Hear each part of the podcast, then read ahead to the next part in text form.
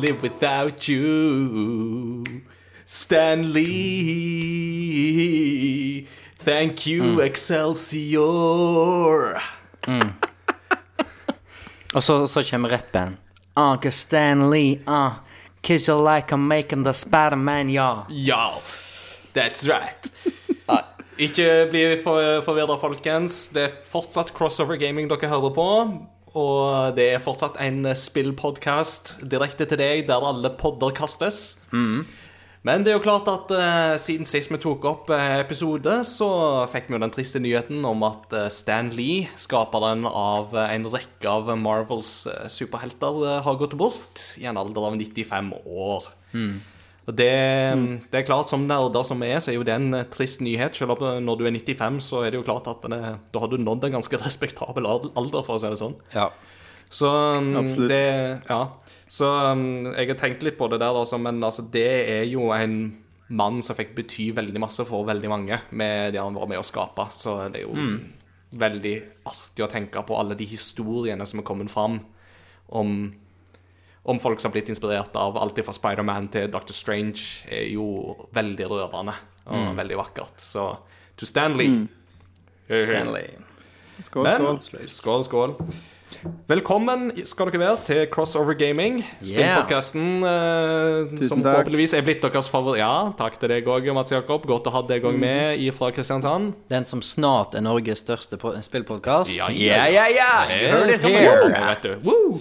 Og det skal vi ikke se vekk ifra, for at du Christian, har jo vært med på en av de aller største norske spillpodkastene Ja. siden sist vi snakket, for du har vært med på Level Up. Yes. Eller Level Backup heter det vel egentlig, gjør det ikke? Ja, gjengen heter jo eh, Takk, takk for mm. knipsing helt ifra Sta Stavanger. Så holdt jeg på å si igjen. Det har jeg gjort før i en episode. Anyways. Sorry. helt ifra Ar- Arendal, sant? Nei da. Men eh, eh, jo uh, Skal jeg ta hele historien? Hvordan Ja. jeg eh, endte opp på, en, på jubileumsepisoden til Level Up. Mm, episode 200. Det må dere Um, høre hvis dere ikke har gjort det. Men fortell, Kristian. Respektabelt. Det er Ja, respektabelt. kjekt da Ja. um, Vår fan av Level Up ganske lenge Ganske tidlig i VG-TV og VG-10 deres Mm. um, Men det er jeg og en kompis shout-out til Martin Herfjord Martin! Ja Han, um, både jeg og han eh, har hørt ganske mye på Level Up Veldig fan Og så synes man kanskje at de mangler Ja, de hadde veldig få eh, vignetter da Eller jingles I uh, podcasten sin Så um, vi gikk i studio en, en kveld og mekka fire, fire eller fem, fire tror jeg. Ganske små eh, vignetter som ja, var litt sånn eh, Satt litt sånn ting på kornet og prøvde å treffe humoren til level up og litt musikksmaken og ja, en, en litt sånn rocka som du, Ingar, likte, som var en sånn nyhetsspaltgreie. Uh, og eh, synes dere naila beskrivelsen av Rune Fjell Olsen Ja. så til de grader. Og veldig sånn Black Debbath-følelse over hele vignetten òg, så det var Ja. veldig etter min smak. Ja da. Uh, og så sendte vi en mail til Level Up med det her. Og det et døgn, og så kom det en eh, overmåte positiv og gira mail tilbake.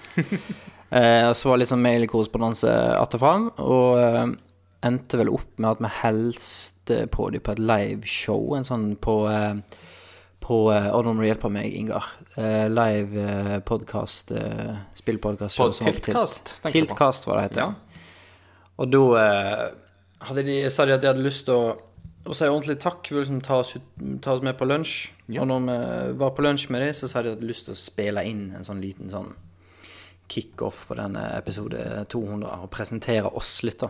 Mm. Så da har vi vel en eh, 20 sekunder, kanskje, med fame i starten av episoden. Mm. Det er veldig kjekt. Veldig gøy å, Kult, kult, kult. kult. å få dere eksponert der. Så Ja da. veldig, veldig ja. Så eh, de 20 sekundene var jo ikke nok tid til å plugge i crossover gaming, men eh, kanskje, kanskje anledningen kommer. Ja da, og nå vet de i det minste hvem du er, så det er jo godt mulig at til neste gang så får du pitcha det. Og da So I'm quitting the podcast, guys! Neida, Du drar, du drar en Ingar med andre ord og hopper opp på et annet lag. We will never forget. Never forget, never forgive. Ja. Uff Ja. Det er jo The um, 5th of November. Det er jo sånn um, eh, Robert Jordan, som jo skrev eh, The Wheel of Time-serien, han eh, har jo et veldig bra sitat i The Wheel of Time, eh, og det er jo det at eh, Men forget but never forgive. Women forgive but never forget. Ja. This is the main difference between men and women. Nei, men ja. det var gøy. Ja. Så nå, eh, nå blir vel neste del av uh, Vignett-karrieren å lage vignetter til vår.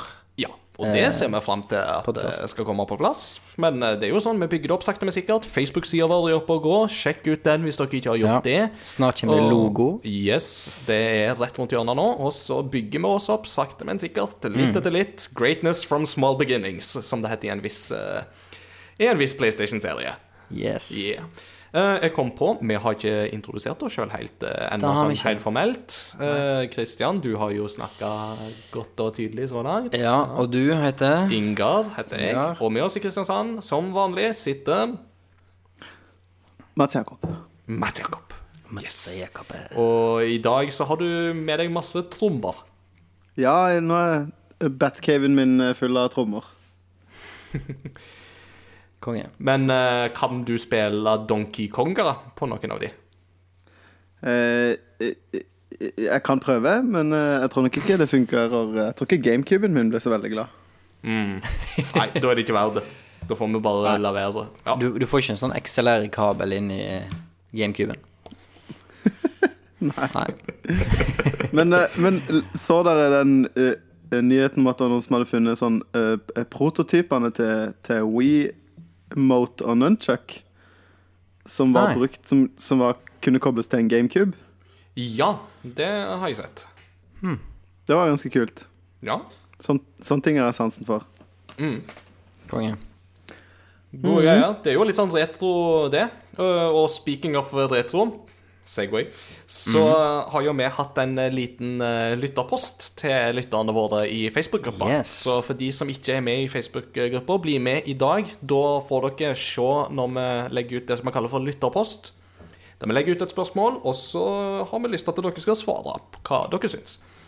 Eh, Denne gangen så tenkte vi å spørre dere litt om PlayStation Classic, som kom ut 3.12. Uh, nå er jo spillene som skal være på PlayStation Classic, som er en sånn liten retro PlayStation-sak til sånne Super Nintendo Classic og disse som Nintendo har gitt ut. Mm. nå er lista over alle spillene som skal være med på den, er annonsert. Det er 20 spill. Mm. men PlayStation 1-biblioteket er jo ganske stort. Eh, og da er det jo klart at eh, når du bare har 20 spill, så er det jo noe som mangler. Så da lurte vi på, hvis dere kunne hatt med noen flere spill i PlayStation Classic, hva spill ville dere hatt? Mm. kan jo begynne med deg, Christian. Hva ville du hatt med i eh, PlayStation Classic? Ja, jeg tror kanskje se Jeg hadde PlayStation 1 sjøl, men jeg eh, hadde den såpass seint at PlayStation 2 var kommet ut.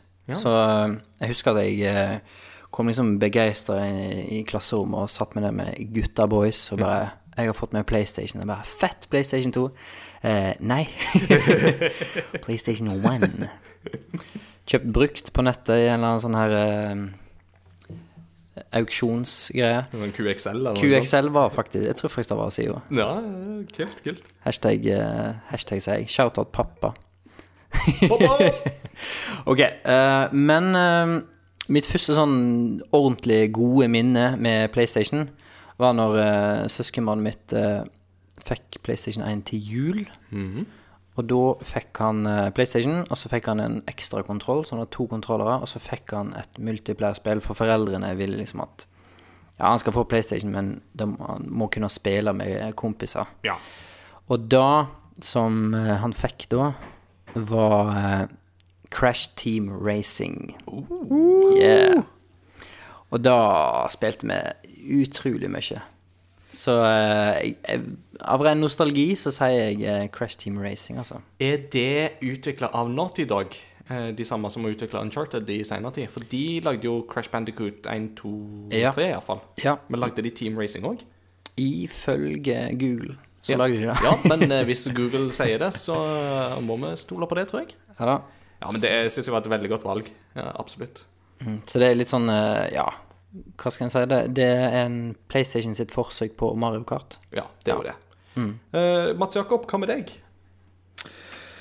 Uh, nei, jeg vet ikke. Jeg syns jo uh, I motsetning til liksom Jeg er jo en Nintendo-mann, og da er det jo liksom De fleste de, liksom Hvis du skal ta liksom et, en håndfull av de beste spillerne på en Nintendo-konsoll, så er det jo Nintendo som har lagd de. Stort sett. Bortsett fra Ja, ikke bortsett fra, men på Nintendo 64 så hadde du jo Rare i tillegg, da, som lagde De var nesten like bra. Ja. Hvis ikke like bra. Eh, men eh, eh, mens PlayStation lagde jo ikke de beste spillene sjøl. Nei, eller Sony lagde jo ikke de beste sjøl, nei. Ja, mm. Sony lagde ikke de beste spillene sjøl. Og da, det er litt sånn der eh, Så jeg skjønner jo hvorfor den lista de ga ut, ikke er akkurat den lista man tenker at selvfølgelig er Crash Bandicoot med, og selvfølgelig er Spire the Dragon med, mm. og sånne ting. Men eh, eh, jeg hadde ikke PlayStation sjøl da jeg var liten.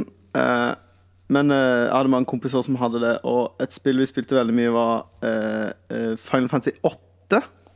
Ja. Vi spilte ikke Final Fantasy 7, vi spilte Final Fantasy 8. Mhm. eh, som jeg har veldig gode minner fra. Eh, så det er jo sånn spill som Jeg har det jo sjøl fysisk, men, men eh, hvis jeg skulle liksom tenkt at å, jeg har ikke PlayStation-spillene jeg hadde da jeg var liten, eller spilte da jeg var liten, da ville jeg at Play Final Fantasy 8 skulle vært der. Eh, Tomb Raider. Eh, selvfølgelig ja. Crash og Spyro og sånt. Men eh, Final Fantasy 8 det har utrolig gode minner fra. Jeg en kompis som I det spillet så kan man jo eh, eh, i, I battle så kan man jo gjøre monsteret om til kort. Mm. Og så spiller man et sånt spill med de kortene. Ja, det er det der jo- tri Triad eller et eller annet Jeg, jeg husker ikke, men det ble liksom Et eller annet sånt, ja.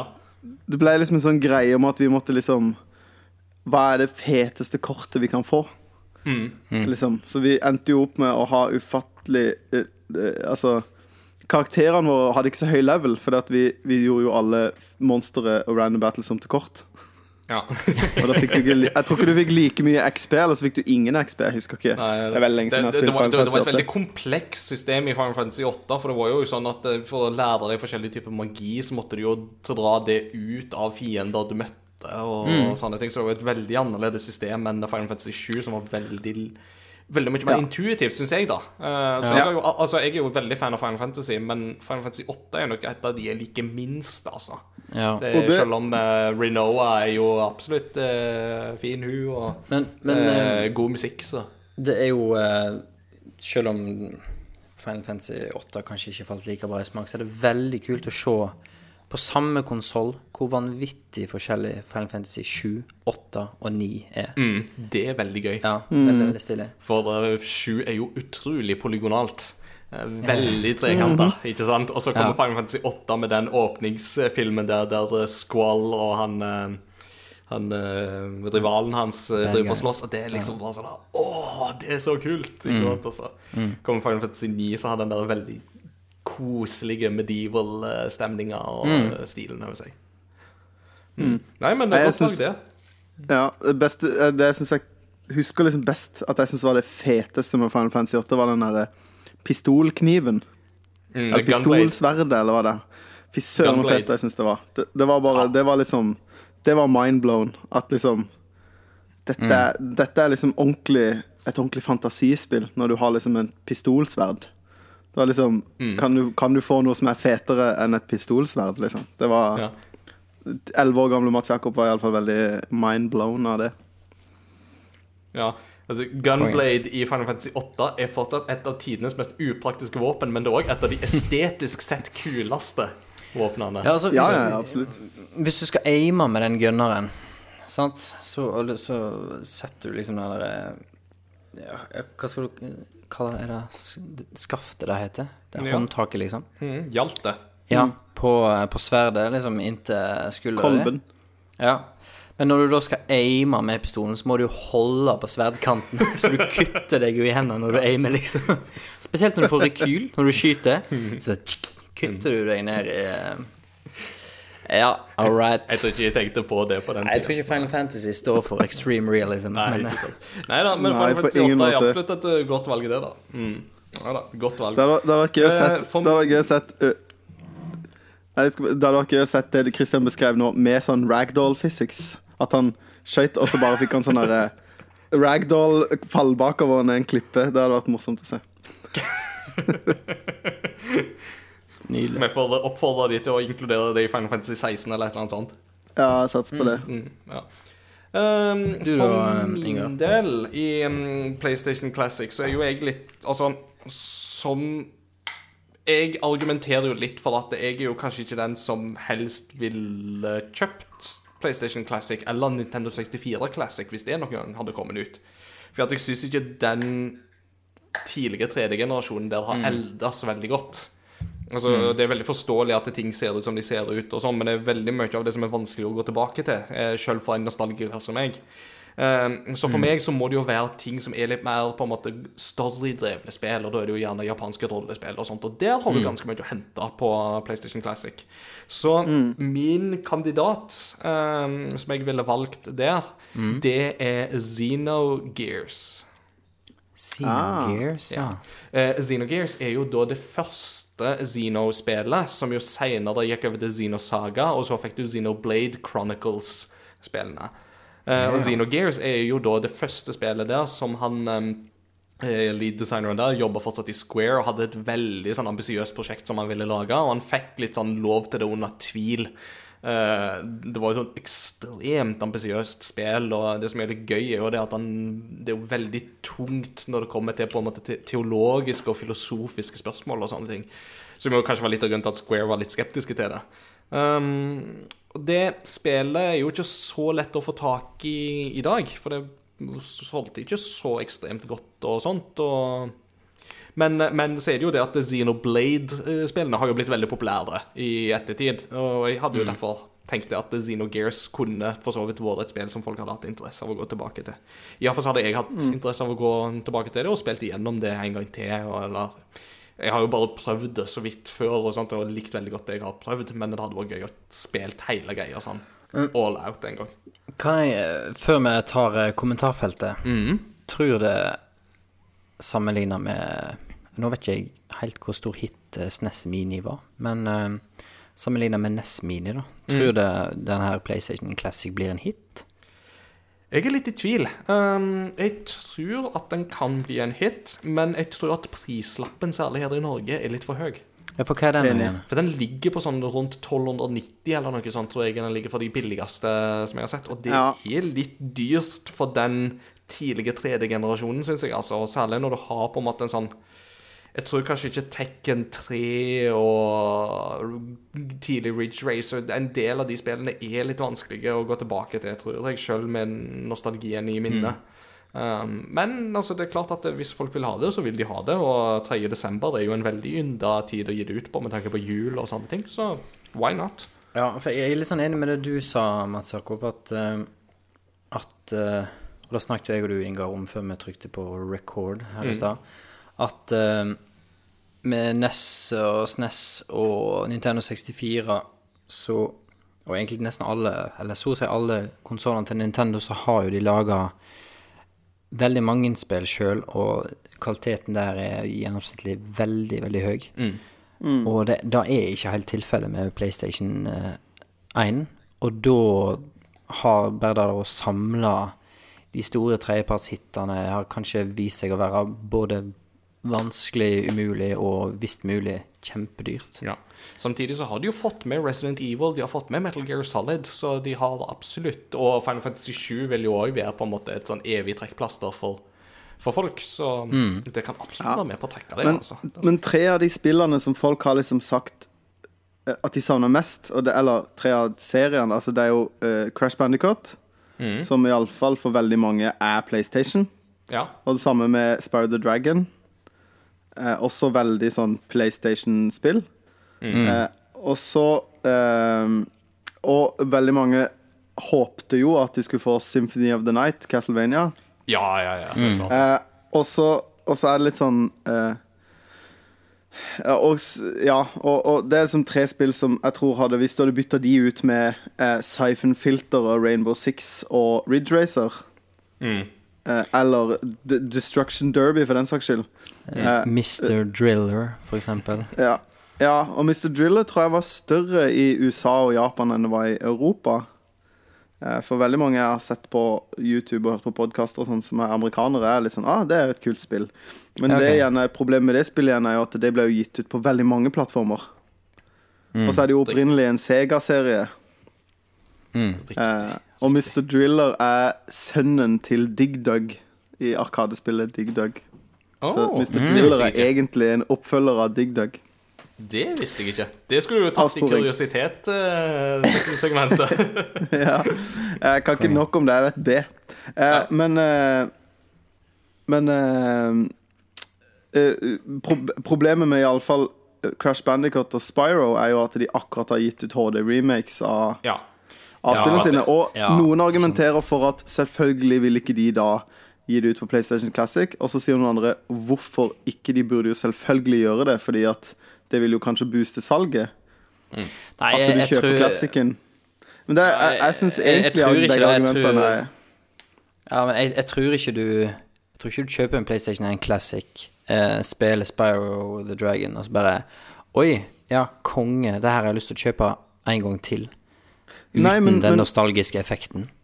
Ja, men poenget er at eh, du vil jo ikke at alle Du vil jo ikke, byt, du vil jo ikke at seks av spillene av de 20 skal være Spyro og Crash. Sånn at hvis Nei. du hadde hatt Spyro 2 og Crash 3, så hadde du tenkt å ja, men nei, da går jeg og kjøper Insane Trilogy eller Reignited Trilogy, eller hva den heter for noe, den Spyro-greia. Og så får du alle tre. Eller alle seks spillene i oppussa HD. Så, så jeg syns egentlig det er et argument begge veier. Men eh, Det er og, og Symphony of the Night har jo også akkurat blitt sluppet på PSN Store. Jeg vet ikke om det er ho- remaker, men det er iallfall sluppet der. Nei, det er ikke remake, det er bare de gamle eh, klassiske versjonene. Eh, det og Ja. Rondo of Night. Ja, ikke sant? Nei, Nei, jeg ser, jeg, jeg, jeg ser absolutt uh, poenget ditt uh, der, Mats Jakob. Og jeg tenker jo det at, eh, det at de har inkludert Resident Evil, eksempel, er jo et argument i eh, det seg- altså i, i så måte, faktisk. Fordi at Resident Evil har jo fått eh, HD-versjoner i ettertid som er veldig gode. Fått så mange så- versjoner Ja, ja, og likevel så inkluderer de det. Så um, nei, jeg, jeg, jeg ser argumentet ditt, samtidig som at jeg òg Mm. skjønner hvorfor det ikke er med, nettopp fordi en har disse HD-nyutgavene nå nylig, som Ja, ikke sant? da på en måte Men det spist opp det markedet. Ja. Men sånn med Jeg tror Capcom kanskje har tatt med Lot eh, Resident Evil 1 være med, fordi at nå holder de skal Kommer Resident Evil 2 som en sånn Mm. Ja. hype, Jeg- på en måte. ja, mens mens jeg jeg Crash og Spyro er jo kommet på en måte før Ja. PlayStation Classicen kommer. Jeg er enig i det. Ja. Skal, eh, vi har jo en gjeng med trufaste lyttere. Vi har det, og det er veldig kjekt med eh, alle som er lyttere og som kommenterer på spørsmålene våre. Det setter vi veldig pris på. Mm. Så vi spurte dere hva dere ville hatt med, og da kan jeg begynne på topp øh, og lese Kjetil Austein Dahl sitt svar. Han øh, skriver savner Final Fantasy 9, min FF-favoritt. Jeg er nesten enig der, Kjetil. Jeg syns Final Fantasy 6 er litt bedre, men det får så være. Eh, han savner òg Tony Hawks Pro Skater 2, Spyro the Dragon, kanskje ikke tatt med pga. Reignited, og Parappa the Rapper, for å nevne noen. Ja, Tony Hawk mm. Pro Skater 2 er jo eh, Åh, det er Det gul, altså. skulle ha vært med, men det tipper jeg er et lisensmareritt å få til, med tanke på all musikken Helt i det enig. Ja. Og det spillet hadde jo ikke vært det samme uten musikken. Nei, ikke sant? Så da Nei. Kan en jo bare la være. Um, Ja, men Ton Tony Hawk kommer jo også på Nintendo 64 og seinere på GameCube, og altså, det var jo ikke Og Det var ikke Xbox, det var jo ikke Det, var ikke, det er ikke en play, Det er ikke et PlayStation-spill, Nei, det er så ikke. på en måte. Nei da. Så øh, Ja, det er jo et argument. Nei da. Espen Tveit skriver har liten kjennskap til PlayStation-biblioteket, men det ene spillet jeg kunne ønske meg, er Chrono Cross. Jeg elsker Chrono Trigger, men har aldri prøvd oppfølgeren. Der er jeg helt enig. Eh, Chrono Cross kunne vært et eh, kraftig argument for meg òg til å kjøpe PlayStation Classic. Så Men har, har du spilt Chrono Cross? Nei, jeg har faktisk ikke det. Eh, Jeg elsker Nei. jo Chrono Trigger over alt på jord. eh, og jeg har alltid tenkt at Chrono Cross har jeg lyst til å prøve, bare fordi det, det er en oppfølger, og så får det være så dårlig som det er. Eller bra. Men det er ikke en oppfølger. Det er jo det som er problemet. Nei, det er det jo ikke. Det er jo mer en sånn spiritual successor. En åndelig oppfølger. Ja. Så Men det er jo litt som at Final Fantasy 8 er oppfølgeren til Final Fantasy 7. Det, Mm. det er på en måte Det er så å si kun i navn. Jeg har spilt begge to. Mm. Eh, og Conor Cross er kult. Eh, men det har jo noen helt andre vibber enn eh, Chrono Trigger, og eh, jeg føler liksom stø eneste store fellesnevneren er Chrono i navnet, og at musikken er dritbra. Ellers er på en måte Ja. Men, at, Chrono eh, Cross er ikke like bra som Chrono Trigger. Men det er, Nei, det men det er gøy. Det. Det er verdt å Ja. spille. Ja. eh, Musikken er jo nok for meg til å spille det. Jeg er jo spillmusikknerd på min hals, så mm. det, er- det i seg sjøl hadde vært nok for meg, altså. Eh, Men det, jeg... Sorry? nei, jeg bare skal si Da kan du låne Chrono Cross av meg hvis du vil det. Ja, det, vi får prøve, prøve på det en gang. Skal vi se. Vegard Børjesson han skriver Red Alert, Yeah. THPS2, altså Tony Hawk, han òg. Driver 2 og muligens et Gran Turismo-spill. Ja, Gran Turismo. Ja, altså Det at Gran Turismo ikke er med, er jo veldig, veldig rart. Eh, men kanskje Ridge Racer var liksom det de tenkte at det var nok å ha med. Men samtidig så syns jeg jo det er rart, med tanke på at Ridge Racer er jo et Namco-spill, eller det som da var Namco, mens Gran Turismo er jo mer et inhouse-navn Ja. med tanke på PlayStation. Så det er jo Igjen så er det noen sånne valg altså, som ikke helt gir mening. Nei. Ja, men, men akkurat der så syns jeg at eh, Ridge Racer, Demolition Derby og eh, Twisted Metal, som er de tre bilspillene på PlayStation Classic, alle de tre er veldig sånn pick up and play. Mens Gran Turismo krever ut litt, litt mer innsats og er litt mer sånn som vi snakka om eh, i første episoden, var det ikke det? Når vi snakka om bilspill, nei, sportsspill. Mm. Eh, at det, det, det, det faller jo på en måte egentlig veldig fint inn i kategorien sportsspill, fordi at det er litt sånn eh, I begynnelsen kan være litt sånn traust, med liksom du må ta lappen, og det er litt mer sånn simulator da enn de andre som er mer sånn Åh, kjør fort og ha det gøy og krasje litt og Det er sånn. en tanke jeg fikk nå eh, Det blir veldig spesielt å gå tilbake til å bli forsa til å spille bilspill med D-paden. og ikke ha en analog stikk og styre gradene på hjulene, holdt jeg på å si. Nei, ikke sant. Svingen. Mm. Det siste svaret som vi har fått inn på spørsmålet, det er Åsmund som skriver Tekken 3. Eh, men Yeah. nå er jo Tekken 3 med i eh, PlayStation Classic, da. Ja. Så det ønsket får du oppfylt, Åsmund. Så det er Ja. veldig bra. Det ønsket får han oppfylt. Ja, jeg, altså. eh, det er nok en av de eneste spillene Åsmund Inside Info her, som Åsmund har spilt på PlayStation 1. Så eh, det, er no det er det han har lyst på, og det er det han får. Da Så får. Åsmund er den heldigste på den lista. Det er bare smooth, vet du. Så takk til alle lyttere for gode forslag. Jeg eh, hadde stilt meg bak så å si alle disse, disse um, spillene. Eh, speaking of eh, Red Alert, som jo ble nevnt, så er det jo nå annonsert at det kommer jo um, nye versjoner av de gamle Command Conquer-spillene og Red Alert. Så det er jo noe vi ser litt fram til. Det kan fort bli gøy. Særlig med tanke på at jeg har fått med en del av de originale Westwood-folka som lagde Command Conquer og Red Ja. Alert i sin tid. Altså Noen av de veteranene er tilbake. Og Ja. sånn som Frank uh, Placky, er det ikke det han heter, han eh, komponisten? Jeg husker aldri etternavnet hans. Et eller annet sånn polsk, uh, polsk noe. Uh, men han òg er jo med tilbake for å ordne med musikken og sånt, og det er jo helt oh, konge, For at Command Conquer og Sally Bread Alert-musikken er jo awesome. Men, men tror du at de, eh, at de går tilbake til eh, live action skuespillere i cutscenene? Ja, altså, jeg tror jo at de må jo sitte på videofilene på et eller annet, et eller annet sted og Ja, det var bruke konge. det. Så, altså, i fall hvis du får muligheten til liksom Ok, du kan velge cutscene. Vil du ha de gamle, eller vil du ha de nye? er ikke det Nei, alle i må jo ha de eh, gamle. Er ikke det i Red Alert 1 hvor du reiser tilbake i tid ved hjelp Eller Einstein hjelper deg til å reise tilbake i tid for å drepe Hitler? Jo, det er jo det hele Red Alert-serien begynner med. Ja. Det, er, det er jo det det begynner med. Og så i Red Alert 3 så har jo det prosjektet gått så galt at da reiser de tilbake i tid igjen, men denne gangen for å ta livet av Einstein, før han da hjelper de med å reise tilbake i tid for å ta livet av Hitler.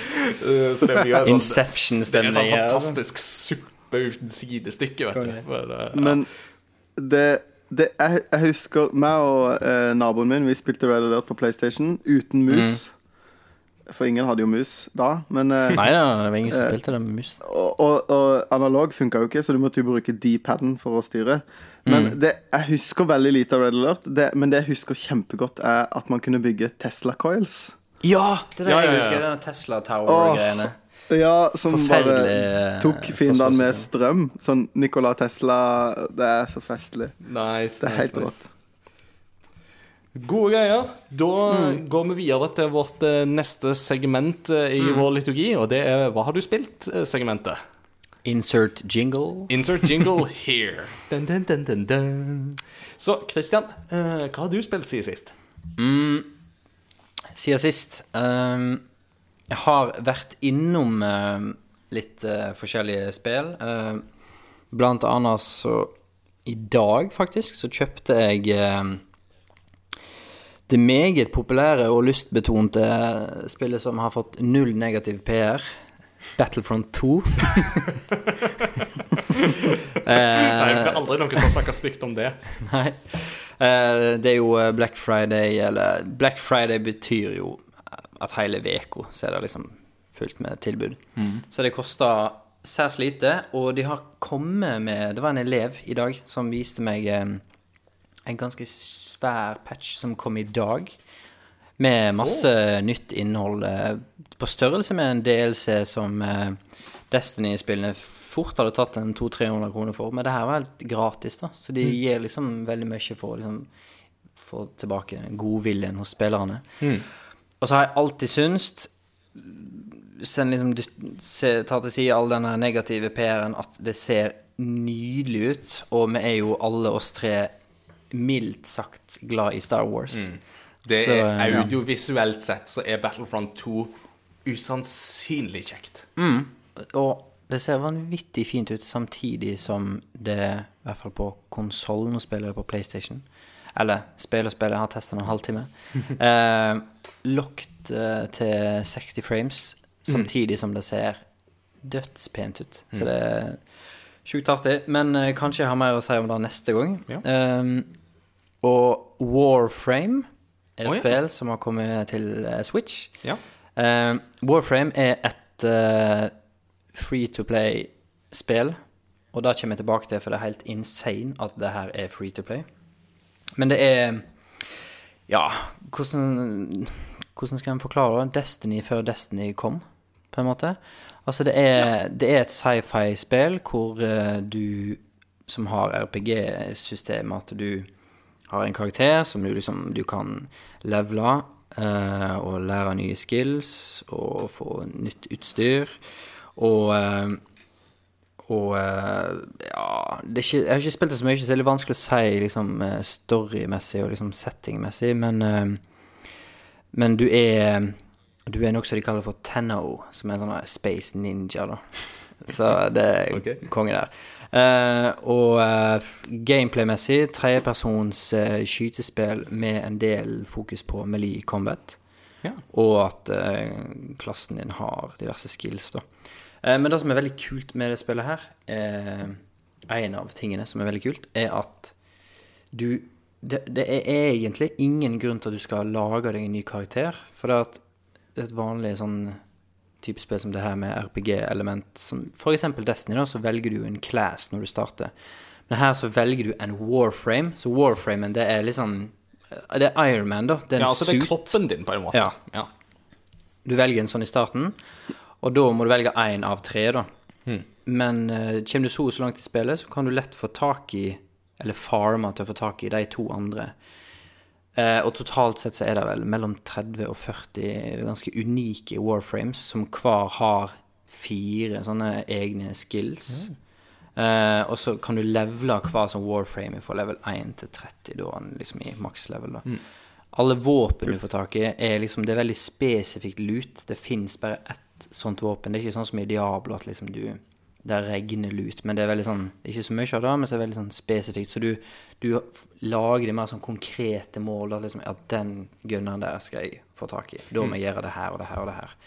Eh, og alle våpen, alt utstyr, kan du òg levele fra level 1 til 30. Gameplay-messig, du, du eh, Basen din er i romskipet ditt. Der kan du bytte warframes, bytte våpen, eh, farme eh, Du kan crafte ting som du har liksom farma. Eh, og, og så reiser du ut på oppdrag da, og gir liksom forskjellige typer oppdrag. Og et sånt oppdrag kan ta alltid fra fem minutter til en halvtime. Og da kler switchen så vanvittig bra. For det at det er jo ingen andre konsoller, sjøl ikke datamaskin engang, klarer å ved så raskt sånn på og klar til å spille som Switchen er. Nei, nei, for er- den er jo der. Ja. Så kombinert da med liksom Logger seg kjapt inn og ta et oppdrag, så kan du liksom Hvis du har en halvtime, da, så kan du få en konge Warframe-økt i den uh, halvtimen.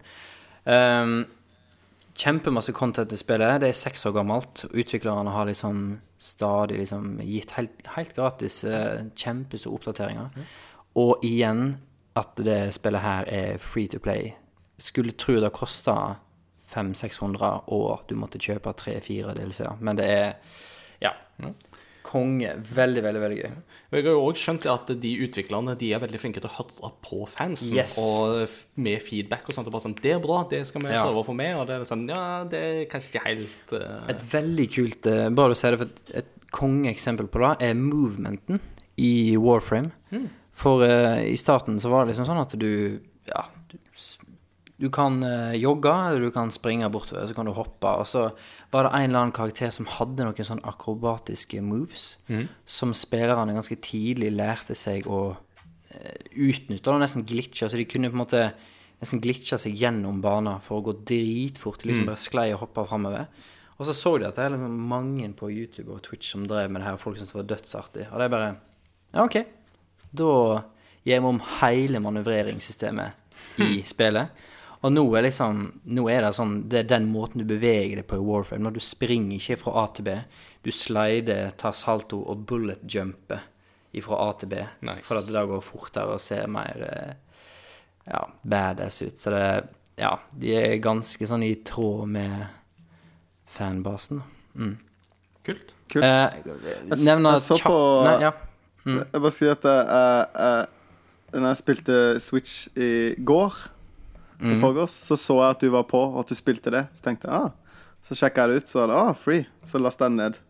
Så jeg har den, Yes! men uh, oh, vi må lage en men, crossover uh, gaming-klan, da. Ja, ja, lett.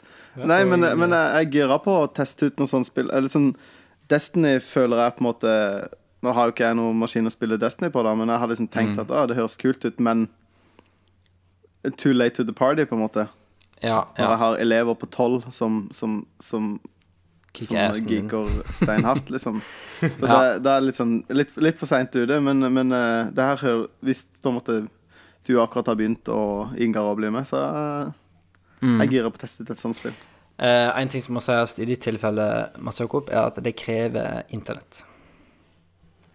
For det er Ja, ja, online men, eh, Jeg har, fri, jeg har fri mobildata. Ja. Men uh, lett Vi må ta oss en kveld hvor vi har voicechat og spiller det spillet her, altså. Eh, litt obs. Det kan være litt tricky å komme inn i, men kommer du inn i det, så er det vel verdt det, altså. Uh, et Ja, cool. tredje spill som jeg bare skal nevne kjapt, nå har jeg brukt hovedtida her på Warframe, er et spill som jeg er ganske late to the party med, men jeg har hørt på soundtracket til det spillet her i, i noen år nå, og det er nydelig soundtrack.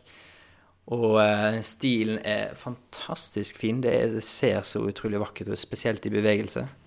Eh, men jeg har ikke spilt der fordi det, det har vært eh, en Xbox exclusive. Eh, men nå har jeg kjøpt det på PC, og da er selvfølgelig Ori and the Blind Forest. Det er så nydelig.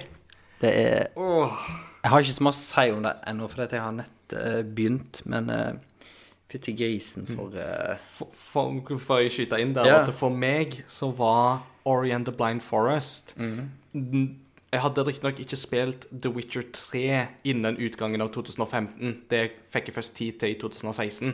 Eh, men for meg så var Ori and the Blind Forest var min soleklare nummer én Game of the Year i 2015. Det er så nydelig 2D Metroidvania-plattformspilling, og som du sier, soundtracket til Gareth Broker er mm, et mesterverk i seg sjøl, Ja. altså. Altså, for å si det sånn, jeg, jeg, jeg fikk lyst til å spille spillet, for da soundtracket var så bra. Det er et kvalitetstegn, altså. Ja, Kult. Det, ja. Da er jeg ferdig med okay. min litt lange runde. Vi går, setter, vi går nå over til Kristiansand, og Mats Jakob, hva har du spilt? Um, nei, jeg, jeg har jo eh, spilt et spill som alle vi tre har spilt, som vi skal snakke litt om etterpå. Ja. Uh, og så har jeg i det siste faktisk spilt uh, Legend of Zelda Breath of the Wild. Mm, Ja, mm. det Hva er det for noe? Aldri hørt om.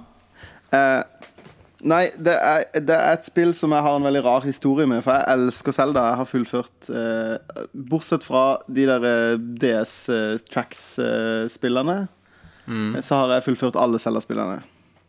Mm. og ikke, eh, jeg har heller ikke spilt Unholy Trilogy, men eh, bortsett fra det har jeg fullført alt jeg har kommet over. Ja. Eh, men Breath of the Wild kjøpte jeg på Wii U når det kom. For jeg kjøpte ikke Switch når Switch kom, samtidig som Breath of the Wild. Og så spilte jeg kanskje 35 timer. Ja. Eh, koste meg med det, tok masse shrines, tok eh, to eh, av de Divine Beastene. Og så dro jeg til Japan, kjøpte Switch, og så tenkte jeg ok, nå kommer jeg aldri til å gidde å spille Zelda på Wii U igjen, så jeg kjøper Zelda på Switch, og så begynner jeg på nytt.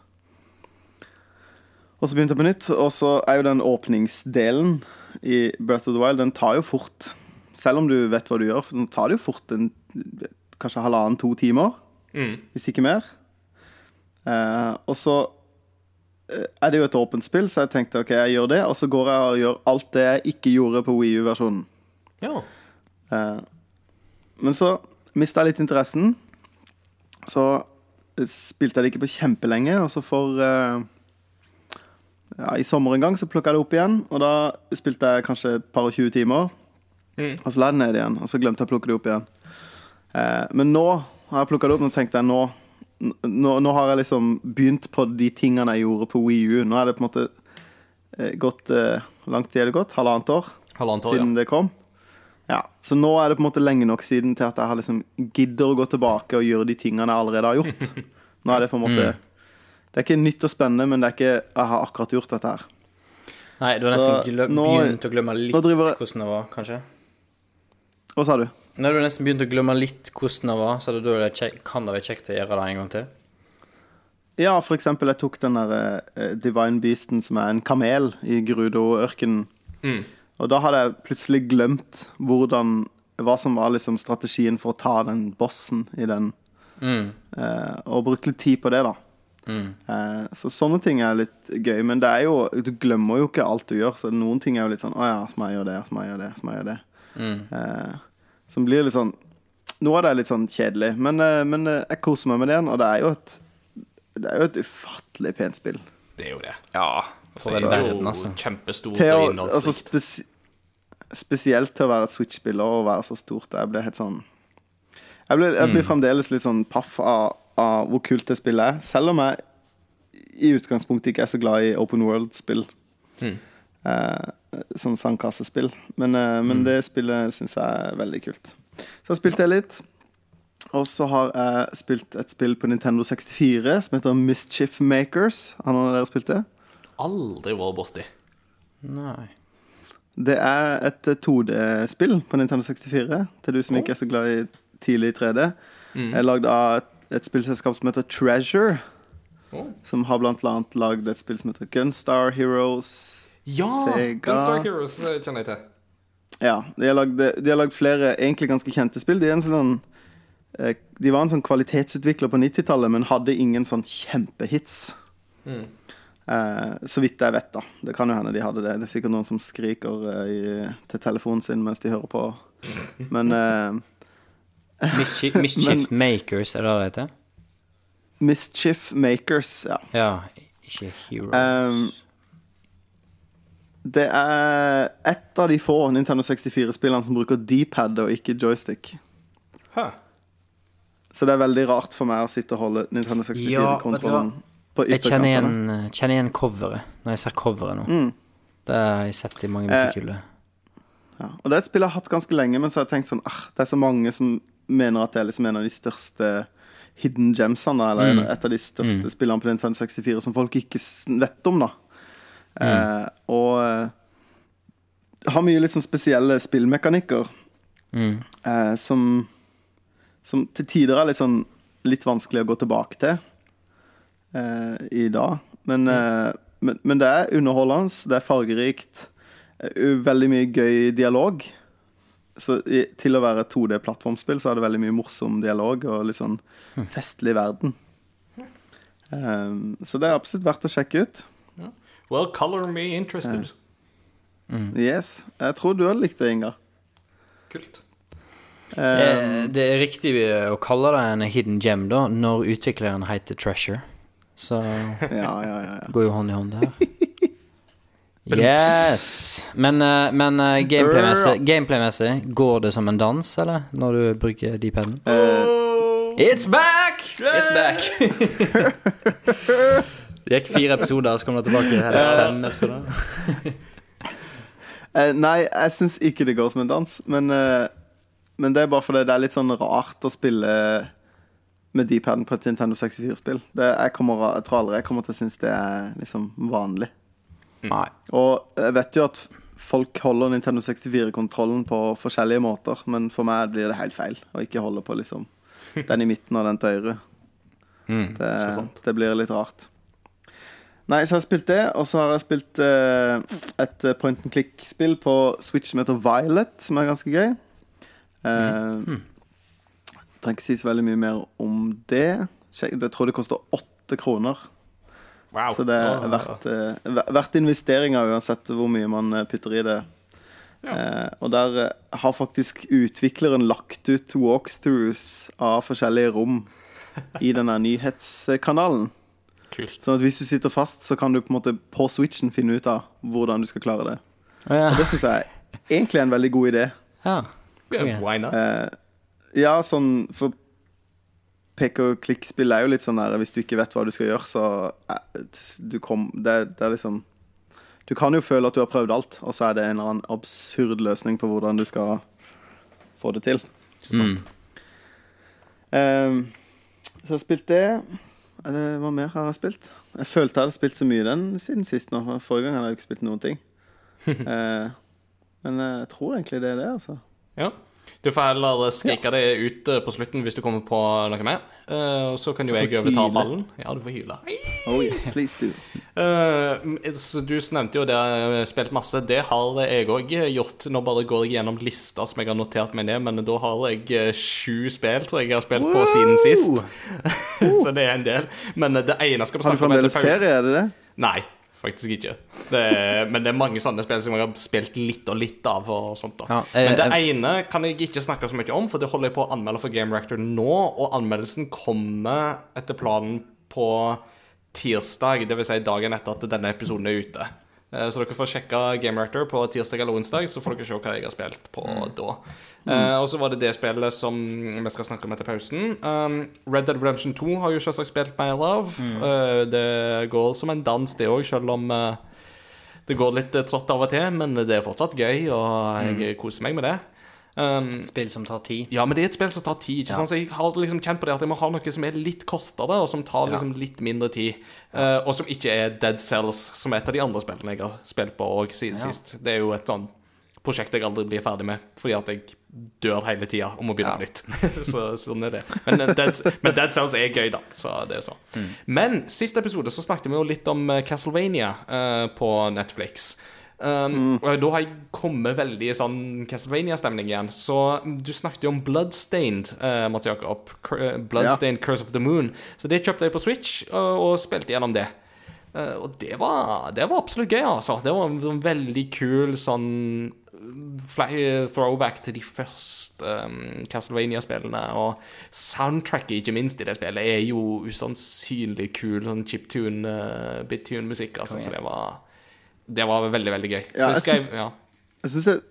Det, soundtracket er på høyde med Shovel Knight. Da. ja, det er litt den der samme stilen der, altså. Og det irriterer meg at det soundtracket ikke er til salgs noen plass. For jeg lengter etter å bare kaste pengene mine etter det og bare sånn Shut up and take my money! uh, så det er noe sånn. Men uh, veldig bra soundtrack som jeg har hørt på i ettertid òg, og veldig kul gameplay og utfordrende og ja. Så jeg, jeg skrev en liten tekst om det på Game Reactor, som folk Ja. kan lese. Um, vi har et segment som heter Glemte perler. Som da er spill som vi av ymse grunner ikke fikk mulighet til å anmelde da det kom ut, men som Ja. da liksom har gått tilbake til i ettertid og så bare sånn Hei, folkens, sjekk dette ut. Så Bloodstained, Curse of the Moon var det, altså. Så har jeg òg på PlayStation 4 så har jeg plukka opp Tetris Effect. Og det er så bra! Ja, det er bra. Altså. Det Kult. er så bra spill. Men det, du skulle ikke tro at det er mulig å, å gjenoppfinne Tetris. Men det er nesten det de gjør, altså.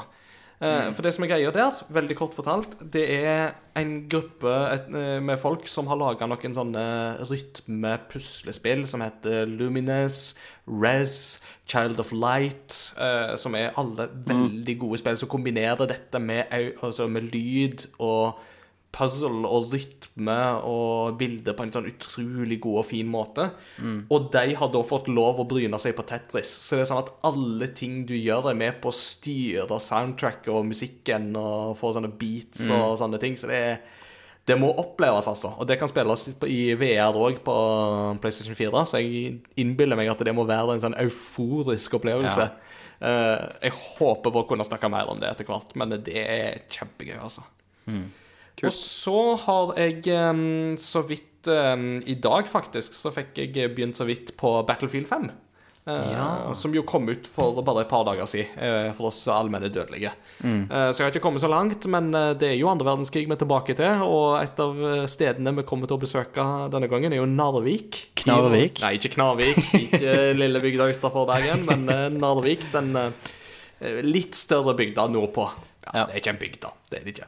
Men eh, Kult at Norge er representert. da. Norge er veldig godt representert i Battlefield 5, og dette er jo et Battlefield-spill som forsøker å fortelle litt mer de ufortalte historiene fra andre verdenskrig. Ja, som da eksempel sånn Narvik, som jo ikke har vært på en måte kommersialisert og veldig oppe i det populærkulturelle før. Det er ikke Normandie i, på nytt. Nei, nei, nei. Det er bare for nordmenn og de. Yes, wow Og med de, med de ordene så spretter jeg kveldens første Julebrus! julebrus Det er snart jul, folkens. Ring juleste legen, jeg ler meg i hjel. eh, snart, så i dag er det thanksgiving. Så Christian er takknemlig for eh, julebrusen han drikker. Jeg kjøpte to stykker, og Inger ville ikke ha. Nei, jeg, det, sær Men det gjorde meg ingenting. Sær, sær greie, men jeg er ikke så glad i julebrus. Nei da, men uh, Battlefield 5 gleder jeg meg til å få spilt litt uh, mer på. Um, det ser jo veldig bra ut, sånn som alle Battlefield-spill gjør. Det som er litt synd, altså. er jo det at jeg har ikke de aller nyeste grafikkortene på PC, så jeg får ikke brukt det som de kaller for raytracking. Yes. Uh, hvis folk ikke har sett tech-demoer av raytracking, så gjør det, det, for det er jo en usannsynlig ny måte å skille dette med lyseffekter i spill på. Det er jo sånn at hvis det på en måte kommer litt sånn flammeeffekter ut av en tank idet den skyter, så vil de flammeeffektene skinne igjen i bilkarosseri, i eh, vinduer, i Ja. dammer nede på vannet, på en helt ny måte. Ja, for det er vel at det skal oppføre seg sånn som lyspartikler vanligvis gjør, og de spretter jo rundt om. Ikke sant? Og fargelegger alltid i nærheten. Mm. Nå skal det jo sies at på nåværende tidspunkt så funker jo ikke raytracking helt sånn som det skal uh, i Battlefield 5, etter det jeg har skjønt, uh, med disse nye grafikkortene, og at det, ytelsen går rett ned med en gang du skrur Ja. på. Så det har nok litt å gjøre der, men jeg gleder meg til å se hvordan det blir når det etter hvert blir mer og mer eh, sånn som det skal, altså. Så det Ja. Så vi får se. Kanskje jeg har spilt litt mer Battlefield 5 neste gang. Uh, Mm. Så det var det jeg har spilt. Det er jo ikke en liten liste, det, for å si det sånn. Og det er stort sett bare å streife innom de fleste av disse spillene. Men um, Ja. vi har jo alle spilt et annet spill som vi skal snakke mer om etter pausen, som uh, Jeg har ikke spilt det. Du har ikke spilt det, men jeg, Men jeg har spilt masse i den serien. Ja, riktig. Og hva kan det være? Det får dere vite etter at vi har hatt en liten pause. Los Pausos. Los oss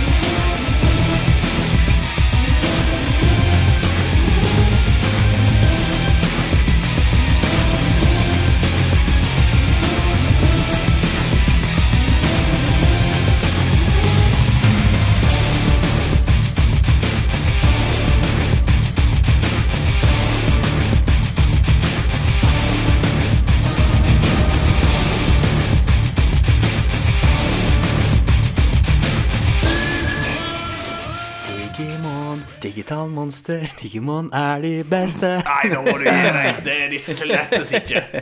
Langt ifra. Langt ifra. Digimon er bare en billig rip-off av det vi skal snakke om i dag, nemlig Yu-Gi-Oh! Nei. Nei. Pokémon! Yes! Magic the Gathering. Uh, nei da, vi skal snakke om uh, Pokémon, som er dagens episode. uh, eller tema for dagens episode.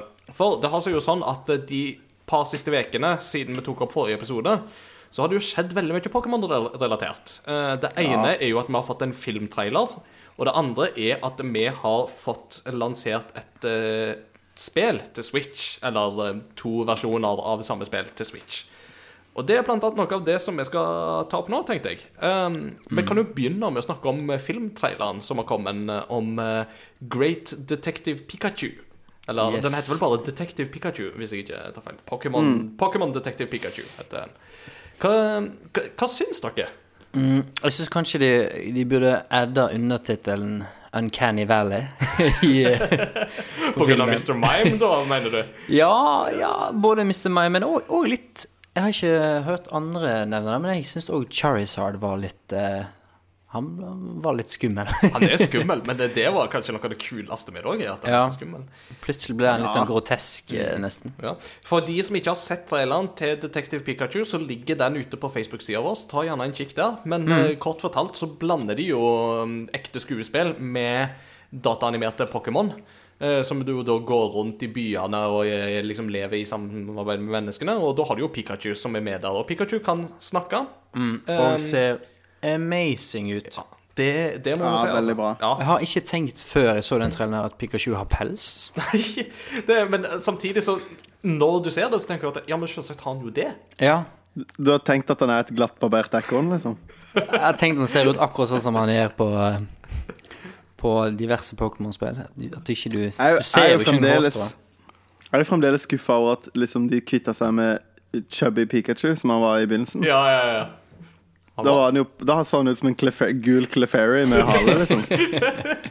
han var litt feit, ja. ja det, Ja, jeg har en sånn Pokémon-figur fra liksom 1996. Med liksom Som ser ut som det første Pokémon-kort-Pikachuen, som er sånn Litt, Noen ekstra stykker med pizza, liksom. nice. Nice. Det blir ikke noen quick attack Ja. i den gården. Nei, skal nei, si nei. deg. Men, men, men, men jeg må jo si at det, det, det som er jo litt sånn gøy med hele den Detective Pikachu-traileren, er jo det at det, da de annonserte at de skulle lage dette, og at Ryan Reynolds skulle være med på det, så var jo ingen som hadde tro på dette. Og så kommer denne Thailand, og så er folk bare sånn Wow, dette kan jo faktisk bli litt gøy. Fordi at, uh, ja. fordi at i mellomtida så har jo Ryan, Ryan Reynolds har jo gjort det kjempestort som Deadpool. Og greia at du hører litt av den der Deadpool-glimt i øyet-greia når Ryan Reynolds snakker som Pikachu. Ja. Og Absolutt. Og Ryan Reynolds har jo den derre Han er jo litt sånn han er jo goofy.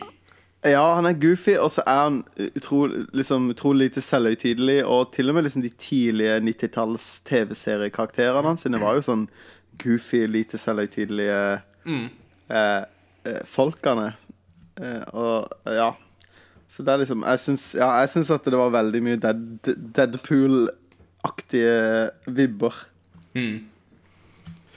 Og så er det veldig mange gøye detaljer òg i den traileren. Altså, det, det er jo bare sånn to sekunder at du ser den Jigglypuffen. Det som er så gøy, er at det, hun, Jigglypuffen der holder jo da en sånn mikrofon som var laga av en penn, basically, i neven. Akkurat sånn som i anime-serien. Og står vel og tegner en eller annen fyr som Ja, søv ja, ja, og så er det jo en som sovner, og da, bare tegner jo på han, ja, som du sier, ikke sant, i fjeset. Akkurat sånn som i Ja, animen igjen. Og det er jo sånn sånn der, hvis de får til alle de der små detaljene der, så kan dette bli veldig bra. Og ikke annet, Ja, ja. så er det jo det at, som en sier, ikke sant, at Pikachu ser kjempebra ut, Bulbasaurus er kjempesøte, Charizard ser skummel ut, Mr. Mm. Mime er skikkelig creepy. Ja, det er derav uh, uncanny, altså. Ja, ja, ja. Så, så jeg gleder meg faktisk litt til å se den uh, live. Jeg tror nok at storyen blir litt tynn, uh, men at det blir en sånn Det blir en familiefilm som passer for alle, Ja. og så blir det det at det blir litt gøy å se det live action, og så blir det noen ganger at du ler underveis og litt sånn, så jeg tror at det kan fort bli en gøy film, jeg, altså. Mm. Og så er det litt, litt Men- kult at de prøver på en annen greie. De, de prøver ikke ved Pokémon-serien gjort til film, eller Pokémon-spillene gjort til film, men en, en helt annen greie da, som passer meg til film. Det, det er jo ikke helt riktig, da, for Detective Pikachu er jo et 3DS-spill. Jo, så- men da tenker jeg hovedserien Mm, og animeen. At Ja. ikke, hvis skulle lagd en film av en anime som har titalls sesonger, så blir det en forhasta Mm. story i en film, på en måte. Ja. Du skulle si noe, Mats Jakob? Ja, nei, jeg bare Jeg vil jo tørre å påstå at storyen i alt Pokémon generelt er litt tynt, da. det er jo for, det er forresten sant. Altså eh, Det er ti år, vær så god. Ja, det er ti år, vær så god. Her, ta et, ta et kjæledyr og bare gå ut og bo i skogen i Fend for yourself, liksom. Det er jo Det er ganske absurd, egentlig. Men, men eh, jeg syns jo Det jeg syns er kult med, det, med den traileren, er jo at i Pokémon så er det jo litt sånn herre Å, Pokémon-trenere. Det er liksom Alle er Pokémon-trenere. Ja. Mens filmen handler jo ikke om en Pokémon-trener, og, og det er liksom ikke den Selvfølgelig er det en fyr som hadde lyst til å bli Pokémon-trener, sånn, men det er ikke liksom Det er ikke en tiåring som skal på eventyr. Det er en fyr som på en måte har en vanlig jobb og altså, Så sånn sett så tror jeg det blir kult med litt sånn et, et annet perspektiv på liksom Pokémon-verdenen. Ja, jeg er veldig enig med det, altså. Og at det blir litt mer relatable kanskje for veldig mange enn den der med at eh, nå skal du ut på eventyr for du har fått et kall. eh, greiene Ja. som du har. Men du vet den egentlige grunnen til at uh, Ash som en ti år gammel gutt får lov å dra på sånn på Fange alle nå-eventyr, ikke sant? Nei. Det er jo fordi at uh, Vi ser jo aldri far til Ash, og dette er professor Oak veldig klar over. Så han bare sånn hmm, Your mother's single, right? I want you to catch them all! Predator. uh, det er sånn internett-meme-greia. Det, det er noen syke teorier der ute, for å si det sånn. Så, Det fins så Ja. mange syke teorier. ikke sant?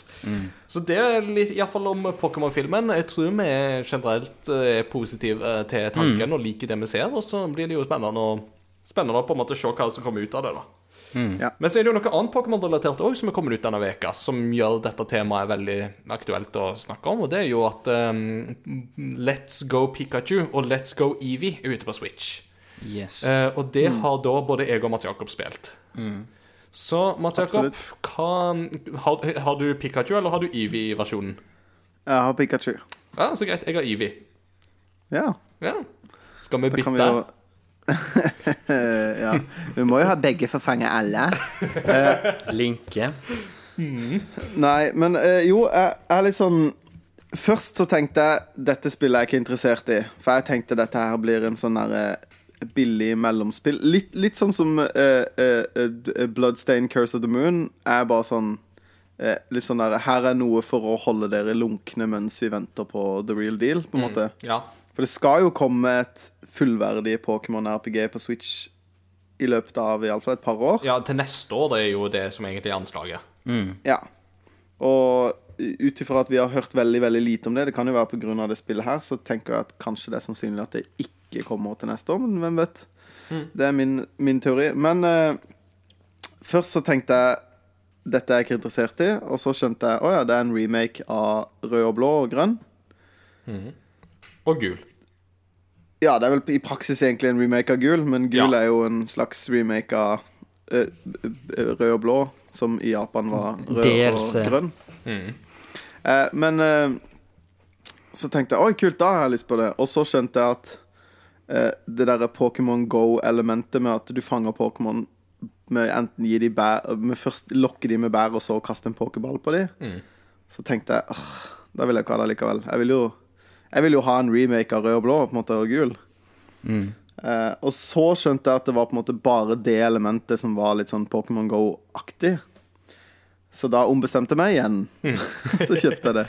Ja. Eh, og så hadde jeg en eh, har en elev som er veldig glad i eh, Nintendo, sånn som meg. Hey. Vi snakker ofte om eh, Nintendo i, på skolen. Eh, og så sa jeg til han Han bare Ja, nå kommer det nå, det kommer nå. Liksom, ah, yes, det kommer. Jeg har allerede lasta det ned, og jeg skal spille det hele helga, sa han på fredag. Så tenkte jeg ja, kult. Eh, Så sa jeg til han ja, ja, vi får se hvem som Vi kan konkurranse, da, om vi tar Elite Four først. Oh. Som er da slutten. Og så hadde jeg masse familiebesøk i helga, så jeg fikk ikke spilt ett sekund. Og så kom jeg på mandag, så sier han ah, 'Tatt Elite Four'. Jeg bare, å, jeg har ikke lasta ned den. Han bare, jeg har spilt 26 timer, sa han. Jeg bare, OK. 26 timer på liksom 48. Good parenting! Ja, nei, men, men jeg syns jo Jeg synes det er good parenting. parenting men, eh, men, Jeg men jeg bare merker, da fikk jeg virkelig sånn reality check med det at liksom jeg, jeg, jeg kan jeg, har- jeg, jeg har lyst til å være sånn som han. Som kan bare liksom Det kommer et spill, og da skal jeg gjøre det i helga. Liksom. Men sånn er ikke livet lenger. Nei. Så jeg måtte si til han at å, jeg har ikke kjøpt det ennå. Oh. Så Jeg tror aldri jeg har blitt knust hardere i en konkurranse i hele mitt liv. Som liksom Jeg har ikke meldt meg på, og du vant. Ja, Men vi må jo si da at noen kamper er liksom litt greiere å tape enn andre. Og jeg tenker jo det at uh, Nå har jo han fått eh, holdt på å si, en opplevelse han vil huske for livet, ikke sant? Med at eh, nå er jo han Ja, at han, ja, han knuste meg. Ja, og ikke bare knuste deg, men han hadde det veldig gøy mens han gjorde det òg, i samme slengen. Så. Men, Absolutt. men Ja, vær så god, Nei, jeg, bare, jeg føler da, da er en fin Segway inn i noe som For du snakket litt om altså, hva du liksom har eh, Som har gjort deg mindre gira på spillet. Og en av grunnene til at han har klart det her i løpet av helga, er jo at det er blitt ganske enkelt, disse Pokémon-spillene, i forhold til de Pokémon-spillene vi vokste opp med. Ja, og ikke minst disse her kjernespillene. Altså, det er jo litt sånn interessant, for um, Altså, mitt inntrykk av Let's Go Pikachu og Let's Go Eevee er jo det at det, dette er jo en sånn mellomsegment mellom kjernespillene og på den ene sida, og Pokémon Go på den andre sida. Og at dette Ja. er jo et sånt For å få alle de som har spilt Pokémon Go, litt over i kjernespillene. At det blir en sånn på en måte overgangsledd for de til å få de inn i kjernespillene igjen, i tid til da det dedikerte Pokémon Switch-spillet som kommer sannsynligvis til neste år. Og sånn sett så syns jeg at konseptet fungerer veldig bra. For at sånn som du sier, Mats Jakob, det mest sentrale Pokémon Go-elementet her, det er jo hvordan du fanger Pokémonene. Nemlig det med at istedenfor å svekke de og så på en måte prøve å kaste pokéball på de, så bare er det det der med bær og så pokéball med en gang. Ikke sant? At du er ikke i kamp med de. Um, Og jeg er enig i at det er litt sånn på en måte for, for meg som har spilt veldig lite Pokémon Go, så er det en litt sånn uvanlig måte å tenke på, men det tar ikke lang tid for meg å komme inn i det.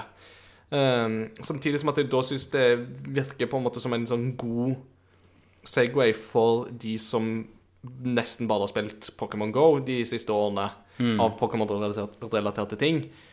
Og så spiller de dette her og sier sånn Å, dette husker jeg fra Pokémon Go, det er greit. Og så kommer de mer inn i de kampsituasjonene og utforskinga og sånt, og at det er sånn Å, dette er litt sånn nytt og sånt. Samtidig som at jeg tror det er veldig strategisk lurt av de å gå tilbake til Yellow, eh, eller til den første generasjonen med spill, eh, med, med bare 151 Pokémon, med bare Kanto-regionen, og Altså, fordi at alt det der gjør at det er litt mer overkommelig. Ja, jeg, bare, jeg bare håper ikke at, at, da, at da går videre inn i det, det spillet som kanskje kommer neste år, da. og, eh, for at jeg, jeg husker når jeg liksom Når jeg, når jeg var liten og liksom spilte Pokémon Silver på Gameboy Ja. Jeg kunne sitte fast i mange veker på en gym. For eh, det var en ny type Pokémon, liksom stil-Pokémon. Jeg visste ikke hva Jeg hadde tydeligvis ingen Pokémon som var supereffektiv mot den. Og selv om jeg levela meg litt over den Pokémonen, så var det liksom Så var det utrolig vanskelig. Og bare òg ofte skjønne OK, hvordan får jeg tak i den neste HM-en for å komme meg forbi her? Hva skal jeg gjøre for å komme meg videre? Og, og da å fange Pokémon. For at du, du kunne ikke Du måtte slåss mot dem, svekke dem, før du kunne fange dem. Og da kunne ikke du komme med en overpowered Pokémon, for da tok du det jo. Ja, ja, da knatta du det jo Ja. straight on. Ja, så du kunne ikke Du måtte liksom da tenke strategisk og planlegge. og Du måtte Du måtte fange Pokémon på riktig tidspunkt, og sånn at du hadde Pokémon og du kunne klare å fange dem med. Og, det, og det er så mange sider ved det som gjør liksom at det blir så ja, da må, da må de nesten gjøre om på masse av kjernesystemet og eh, statsene i spillet, sånn at du kan sette en vanskelighetsgrad. At du kan, ha, kan eh, ha en slide der du kan slide på, eller et eller annet sånt. Det, nei, jeg bare håper ikke at det, at det her blir sånn at de da tenker at ja, nei, men sånn skal Pokémon være. Og så blir det en sånn Jeg har hørt flere som har spilt det her, og de har De har runder, da, og de har ikke tapt en eneste kamp før de kom til Elite Four, for eksempel. Men Mm. med det sagt, det gjorde jo ikke vi heller når vi var små i Pokémon Yellow eller Red and Blue. Gjorde vi det? Og tapte? Ja. Jo, jo, jo. jo. Gjorde det? Jeg ble, spesielt, på, spesielt på de forskjellige gymmene. Så ble jeg knust. Det var der jeg mente med at jeg kunne sitte fast. Ja. For jeg, jeg klarte bare ikke ta gymlederen. Ja. Og de hadde, ofte, de hadde ofte angrep som var veldig, veldig bra, som du ikke hadde muligheten til å lære deg gjennom, for du fikk det angrepet når du tok gymmen, og det angrepet var dødsbra, så du ble, du ble whoopa av eh, gymlederen. Og det føltes litt sånn ekstra sånn ah, yes, når du klarte det. da Ikke første gymmen, men sånn type fire, fem og seks. Ja, det var ofte ganske vanskelig. Skjønner det. skjønner det. Eh, en, en ting Altså, eh, de tingene jeg irriterer meg mest over med Let's Go, er eh, det, For det første er jo at eh, du finner Du kan finne liksom eh, eh, eh, eh, andre utviklinger av Pokémon, f.eks. veldig tidlig i spillet. Sånn, I den eh, første skogen du kommer gjennom, så kan du finne f.eks. en Butterfree. Altså, som er da Den har jo to nivåer under seg. Du kan finne, også finne Caterpie og Metapod, men du finner også Butterfree. Sånn at du Det, det inntrykket jeg har nå, jeg har ikke spilt Jeg har ikke kommet kjempelangt. Men, men at det er liksom inntrykket er at du trenger ikke nødvendigvis fange en nivå 1 for så å utvikle den for å på en måte få nivå 3 da, av en Pokémon. Men du kan liksom fange alle. Ja. Eh, og at, og at du at når du, når du fanger en Pokémon, så får alle Pokémonene du har i partyet ditt, får XP. Like mye XP. Det er ikke en sånn XP XP share-greie, men det er liksom Å, du får 63 XP, og det får alle. Og så fanger du masse Pokémon hele tida, for det er jo sånn du får XP, så du har hele tida fullt party med Pokémon du ikke vil ha. Så og så spesielt i begynnelsen, når du har Pokémon som er level 3 og 4, og så leveler de hele tida. Så det er liksom Å, å, å fange Pokémon tar dødslang tid, fordi at du må liksom Og så leveler den, og så lærte han et angrep, og så leveler den, og så leveler den, og så leveler den. Så du sitter bare og trykker for å få tekst for å komme deg ut av etter du har fanga den 70. Pidgeyen din. Går sånn inflasjon i leveling. på en måte. Ja, i begynnelsen så er det litt sånn, og det eh, syns jeg på en måte var litt sånn Det at du fjerner det at du kan ta på en måte eh, eh, Det at du kan vinne over ville Pokémon, gjør at du For å få XP så må du fange de, og da får du, hvis du på en måte har plass i partyet ditt, så får du dem inn i partyet ditt. Så du har liksom nesten hele tida fulgt party i begynnelsen, når du egentlig ikke vil ha det. Og det syns jeg var liksom Det, det syns jeg var irriterende i begynnelsen. et, et lite counterpoint der, så vil jeg fortsatt si at jeg tror at sånn som Butterfree og Beedrill i min versjon, da, for eksempel, jeg tror faktisk at det var utvikla Pokémon som du kunne fange i Yellow òg. Altså hvis jeg husker min Yellow riktig. Så tror jeg at du kunne finne enten Butterfree eller Beedrill i de originale versjonene der òg. Så det er ikke strengt tatt noe nytt, sånn sett. Og det er en mer okay. Ja, og det, det er ikke mange tilfeller av det. Iallfall ikke som jeg har støtt på så langt, iallfall. Så um, Nei, for, for jeg, jeg, jeg spilte bare blå og rød. Jeg hadde begge to. Jeg var så lur. Jeg ble lurt av reklamene. Ja, for du måtte jo fange dem alle. to. Ja, så jeg måtte jo ha begge spillene.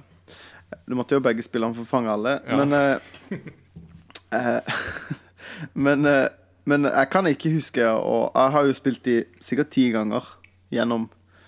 Eh, og jeg, jeg kan ikke huske å ha opplevd å finne veldig mange liksom Generelt i hele spillet, egentlig ferdig liksom Ferdig utvikla Pokémon. Ikke før seint ut i spillet. Nei. Ja, altså, de gjorde jo noen endringer med Yellow og sånt, da, så det er Ja. jo mer ja. det som ligger Ja, det kan godt hende. Men for meg så er det litt sånn lite tilfredsstillende å fange en, en ferdig utvikla Pokémon, på en måte. Ja, men jeg ser den. Det er jo mye gøyere å oppdage de sjøl, altså ved å fange de liksom i stage one, og så utvikle de sjøl. Det, det er jo litt av sjarmen med det, ikke sant? Så. Men, men uh, vi må uh, Ingar, kan ikke du fortelle? Du, har- du har spilt det, det her mest av oss tre, har ikke du det? Jo, jeg har kanskje det. Eh, Jeg har kommet til tredje gym, så jeg har ikke kommet sånn fryktelig langt sjøl. Men jeg har jo da kommer litt lenger. lenger. Um, og altså, for min del så er det jo litt med at um, Altså, har, Vi har snakka litt om dette med at det, det er jo som en hybrid, dette her, mellom på en måte Pokémon Go-verdenen på ene sida og kjernespillene eh, på den andre sida. Og for min del så har ikke jeg spilt så veldig mye av kjernespillene siden andre generasjon, altså siden Silver. Um, jeg datt litt av med Ruby Sapphire. Jeg har spilt Alpha Sapphire på 3DS i senere tid. Og at det er litt sånn Med Ruby Sapphire og videre ut ifra det, så begynte det å komme på det nivået der egentlig Pokémon-spillene ble litt for innholdsrike for min del. Eller litt for på en måte mange muligheter og litt for mange ting å, å gjøre. Um, at det ble nesten litt for komplekst, eh, nesten på et eh, tidspunkt der. Eh, som jeg får litt inntrykk av at um, Sun and Moon gjorde litt bedre. At de fikk på en måte kokt det litt ned til litt mer av kjernen igjen, samtidig som at du hadde på en måte en del av de nye elementene som folk altså, som, som folk er fan av, da. Eh, men det syns jeg at det gjelder å klare på en måte veldig bra. Og det er jo noe av det som fikk, appellerte til meg, var liksom det at nå er vi tilbake til på en måte den første generasjon, 151 Pokémon, eh, Kanter-regionen. Dette er på en måte Ja, det, det er mye nostalgi i bildet, absolutt, det er jo det. Eh, Men samtidig så er det òg noe av det som skal til da for å få sånne som meg litt tilbake på Pokémon-kjøret igjen. Det er jo nettopp ja. det å koke det litt ned til på en måte litt enklere nivå igjen, da, og på en måte ta Ikke nødvendigvis ta vekk muligheter og sånt, nødvendigvis, men at en prøver på en måte å skjelne litt ut hva er på en måte det mest sentrale ved Pokémon. Eh, og så heller på en måte integrere folk inn i litt mer, litt mer disse tyngre kjernestrukturene igjen senere. Eh, så det, det, så det syns jeg de klarer veldig bra. Jeg har jo òg Det er jo ikke akkurat en spoiler, det tror jeg jeg vil si, men jeg har jo òg møtt på Jesse and James og Mjau.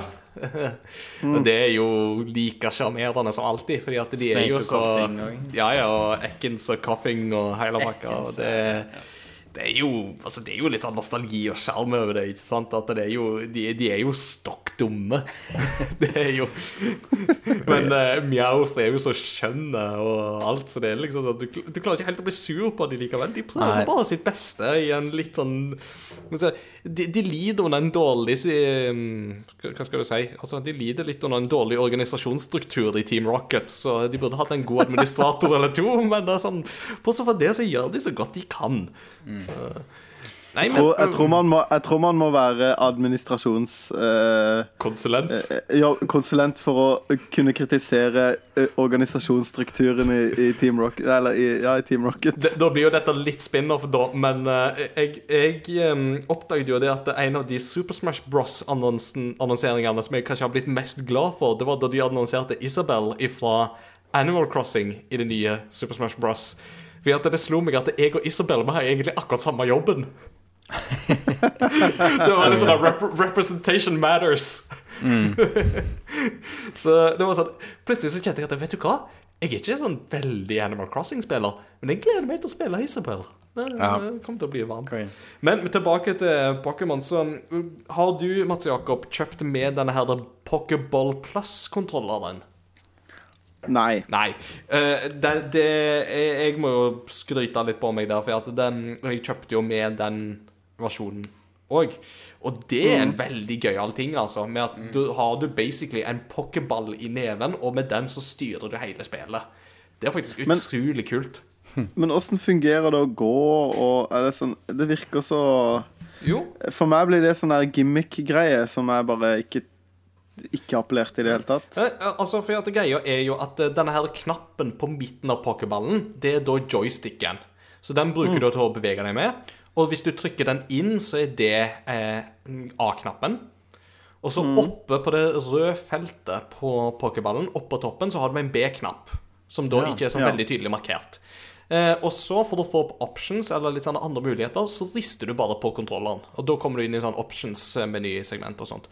Og det er alt du trenger. Um, for at de har jo strømlinjeforma det, sånn at du skal egentlig kun trenge en joycon for å spille, spille dette spillet.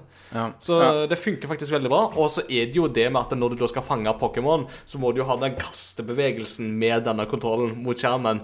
Og det er det er mye gøyere enn det jeg skulle trodd. altså Men altså, det er litt sånn at plutselig så er jeg 10-11-12 år gammel igjen og bare er liksom den der Pokéball, gå! Og jeg kjenner at det, det er litt tilfredsstillende. Altså, eh, har du, har du til nå noen gang glemt å ta på den eh, stroppen? stroppen Aldri. Og, og sagt Det- liksom Evie, I choose you, og knust TV-skjermen med den pokerballen? Kanskje jeg skulle ha gjort det sånn i Black Friday-sammenheng. Så hadde jeg sagt Ops, jeg knuste TV-en, vi må ha ny TV. Ja. det hadde vært veldig gøy hvis han gjorde det, ikke fortalte det før du konkret spurte han hva han hadde gjort akkurat det, og så sa han ja, det har jeg gjort. What broken TV? You sure ask a lot of questions. Why is there a pokeball centered here in the TV? Så skal jo sies at Evie bor jo ikke i pokerballen. Evie vil jo hele tida sitte oppå hodet ditt. Ja. Ja, så Du kaster capsen, da. Ja. på- Nei, så altså Min oppfatning av Let's Go så langt i hvert fall er at det, det er gøy, altså. Det, det er litt sånn gøy å være tilbake i den der Pokémon-verdenen igjen. Og jeg kjenner at det blir Altså, med filmen og med dette spillet nå, så er jeg litt hyped igjen på, en, på et nivå som jeg kanskje ikke har vært på en god stund. Med at Pokémon har alltid vært sånn jeg har noe nostalgisk forhold til. Men nå blir det liksom noe litt mer levende igjen, da. Ja. Det, det, det kuleste Nå har jo ikke jeg spilt det sjøl ennå, men det blir nok et eh, innkjøp her i hus for jeg tipper Korn har lyst til å spille det i ferien.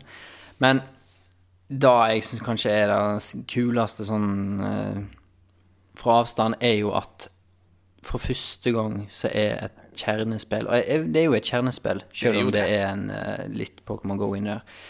Eh, første gangen et kjernespill kan spilles på TV-en.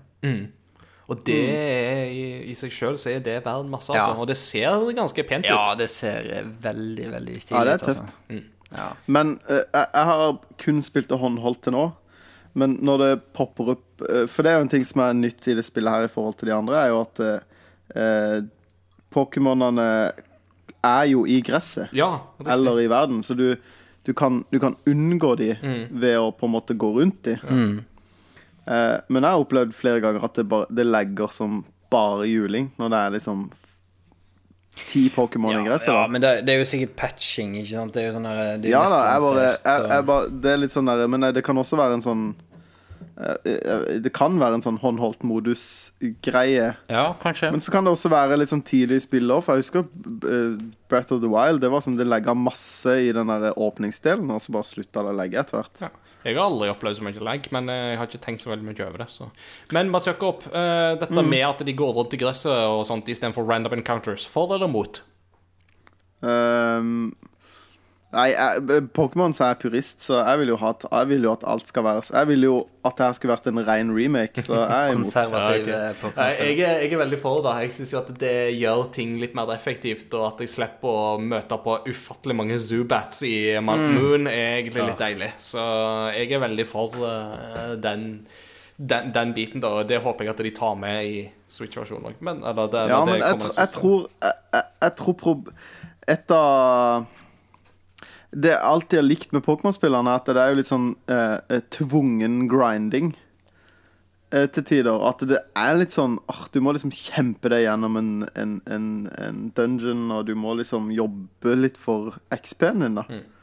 Eh, og og eh, jeg tror noen jeg skal jeg si? Jeg tror noen spillere vil ende opp med å komme til et sted hvor de på en måte står fast. Fordi de har unngått å grinde. da Mm. Eh, eh, Fordi at du kan unngå det. Altså Selvfølgelig Man kan jo det i de andre spillene òg, men da er det jo litt sånn herre Skal jeg trykke på attack, eller skal jeg trykke på runaway? Og så blir det like lett å bare fortsette å trykke på A helt til du har liksom vunnet. Mm. Eh, og så får du litt XP, og så grinder du litt sånn sakte, men sikkert. Men eh, Ja. Nei, jeg vet ikke. Jeg, jeg syns det Jeg syns Pokémon Let's Go er gøy, men eh, det har mange tanker om hvordan det kunne vært gøyere for meg. Ja. Men, men det er jo for meg, og jeg skjønner jo at dette spillet egentlig er jo ikke lagd til meg. Nei. Det er jo ikke lagd for å tilfredsstille min Pokémon eh, rød, blå og gul kløe, på en måte. Nei. Uh, men hvis vi skal liksom gå litt inn på det, da, så er det jo dette her med at dette er jo et spill som kommer litt sånn i kjølvannet av Pokémon Go-suksessen, tror jeg vi kan si ganske sikkert. ikke sant? Eh, og Pokémon Go var jo en fenomenal suksess som på en måte gikk over all forventning, og som jo viste det at Pokémon har jo fortsatt en ganske brei appell. Men altså, hva tror dere er på en måte grunnen til at Pokémon fortsatt appellerer mer enn 20 år senere? Um, ja, se da, altså Én ting er jo de, for de som må vokse opp med, med Pokémon. Um, at det har blitt liksom modernisert og, og eh, bare spill Og da å game som voksen er jo liksom mye mer akseptert i dag enn det sikkert var for 20 år siden. Men, men det jeg kanskje er er det mest interessante med, med Pokémon Go spesielt, da, er at um, jeg ser veldig ofte uh, folk som er i 40-50-årene, som jeg vil tippe at en del av det jeg har sett, ikke vokser opp med å spille Pokémon, men som har, har fått en interesse for det nå, da. Helt, ja, eh, på grunn av Pokémon Go. Um, så, ja. Men jeg, jeg vet ikke, jeg. Har du Altså, noen teorier, Mats Jakob? Samlemani, kanskje? ikke sant? Hoarding. ja. Nei, jeg, jeg, jeg tror Jeg syns at uh, Nintendo og Gamefreak har vært uh, Og The Pokémon Company har vært utrolig flinke på branding, da. For å være litt sånn der uh, Hva skal jeg si, se på det med litt sånn der kyniske øyne, da. Altså, Pikachu er liksom Pikachu er maskotten til OL i Japan, på en måte. Ja. Igjen. Altså, og Pikachu er og, og alle vi har jo vært i Japan, og Pikachu er jo overalt i Japan. Mm. Det er jo ikke så, så mye her nå, men Pikachu var jo overalt når vi, på 90-tallet. ja, ja, absolutt. Pikachu er eh, Pikachu er jo ansiktet til Pokémon. Ja, altså Pikachu Eh, og- var jo mer gjenkjennelig blant amerikanske barn enn det Mickey Mouse var på et eh, tidspunkt. Ja, på et tidspunkt. Og Mario og altså, altså Pikachu var eh, superstjerne på 90-tallet. Altså, det må jo Jeg tror man måtte glemme litt hvor absurd stort Pokémon var. Og jeg har eh, eh, Faren til bestekompisen min Han driver med eh, import og salg av diverse varer. Hvor da han har fortalt om at han har opplevd to sånne kjempestore produkthyper. da Og Han sa det første var Pokémon, og det andre var Justin Bieber. Jeg trodde, det var, jeg trodde det var fidget spinners som skulle vært den andre. Nei, nei, nei, men sånn på en måte en ting. Ja. Poenget var, at han sa det at Var det Pikachu eller Pokémon på noe, uansett hva det var, så solgte det. Ja, ja. Altså mm. Blyanter, eh, kopper, tallerkener, putetrekk Altså det hadde ikke noe å si hva det var. Hvis Pikachu var på, så solgte det. Og det var bare sånn Dopapir. De, de, de fikk ikke tak i nok ting med Pokémon på. Og så opplevde han det igjen med Justin Bieber, hvor det var sånn det, eh, og, og det er jo sånn der Det blir jo en helt annen Hva skal jeg si retning enn det Enn det vi er vant til, da. Men, men bare, det sier bare så ufattelig mye om om liksom hvor, hvor stort Pokémon var, da. Hvor, liksom, vi tøysa litt med Digimon i begynnelsen av etter pausen, men liksom Ja. Eh, Det er jo en serie som feeder av populariteten til eh, Pokémon. da. Absolutt. Men, men, men, men jeg tror det er grunnen til at At Pokémon har holdt seg, for det første, og, og at det er liksom Det er en spillserie som har vært veldig forutsigbar. Det, du, når du kjøper et core Pokémon-spill, så vet du hva du får. Uansett om det er noen nye mekanikker eller hvor mange nye Pokémon det er. Eh, og så eh, er det noe med den der eh, Hva skal jeg si? Nå snakka jeg så mye at jeg glemte sjøl hva jeg skulle si. Eh, men, men at, eh, at eh, Jo, det dere snakka om, at nå, nå er det på en måte kommet tilbake igjen. da Nå er 90-tallet er jo tilbake. Ja. I klær, i musikk, altså alt mulig. Ja, ja. Og eh, eh, ikke sant, superstjerner på 90-tallet var David Beckham og Pi- Pikachu, liksom. Ja, altså det er jo, det er jo sånn, så, altså Spice Girls skal ha en gjenforening òg, som jo bare styrker ja, det der ja. enda, enda mer. Og sånn, så Eh. I sommer så hadde både Offspring og Britney Spears og Eminem hadde konsert i Oslo. Så Ja. det er jo sånn Ja, 90-tallet er tilbake. Millennials får på en måte De er pengesterke nå og vil ha på en måte sin retro-money. Så det er Ja, absolutt noe og det er jo som gjenspeiler jo i liksom retromarkedet. Nintendo 64 og GameCube selger som hakka møkk. Ja. Eh, og eh, og eh, eh, en, eh, Nintendo Entertainment System, Super Nintendo, begynner å dale litt igjen. Interessen er ikke så stor som den var for fire år siden. Nei, ikke sant. Men, mm. Men altså, jeg, jeg eh, det syns jo likevel at Christian var inne på noe likevel her med dette med samlemani. ikke sant? At det er Ja. noe med grunnkonseptet i Pokémon er så enkelt. Det er veldig lettfattelig. Eh, Ikke sant? Som jeg jo òg tror er på en måte noe av appellen med det. ikke sant? At det er det er veldig Altså, Designet på Pokémonene har jo veldig mye å si, og det var jo litt av grunnen til at jeg datt av med sånn tredje generasjon. og sånt, det var jo det at jeg synes at designet på Pokémonene ble bare Det ble litt anstrengt, rett og slett. At det var ikke like på en måte um, Det var ikke like kult på en måte med tredje generasjon og Litt sånn samlebånd eh, Ja, det ble litt sånn samlebånd ut av det, og det var liksom ikke like på en måte intuitivt på en måte. og sånt. Nei. Men så at um, du, du har liksom det aspektet ved det, og så er det jo det der med å samle alle er jo på en måte en veldig sånn enkel frase, men som samtidig er så lett forståelig, da. At det er jo Vi tenker jo ikke så ofte på det, men Pokémon er jo faktisk rollespill. Altså, det er jo RPGs, dette her.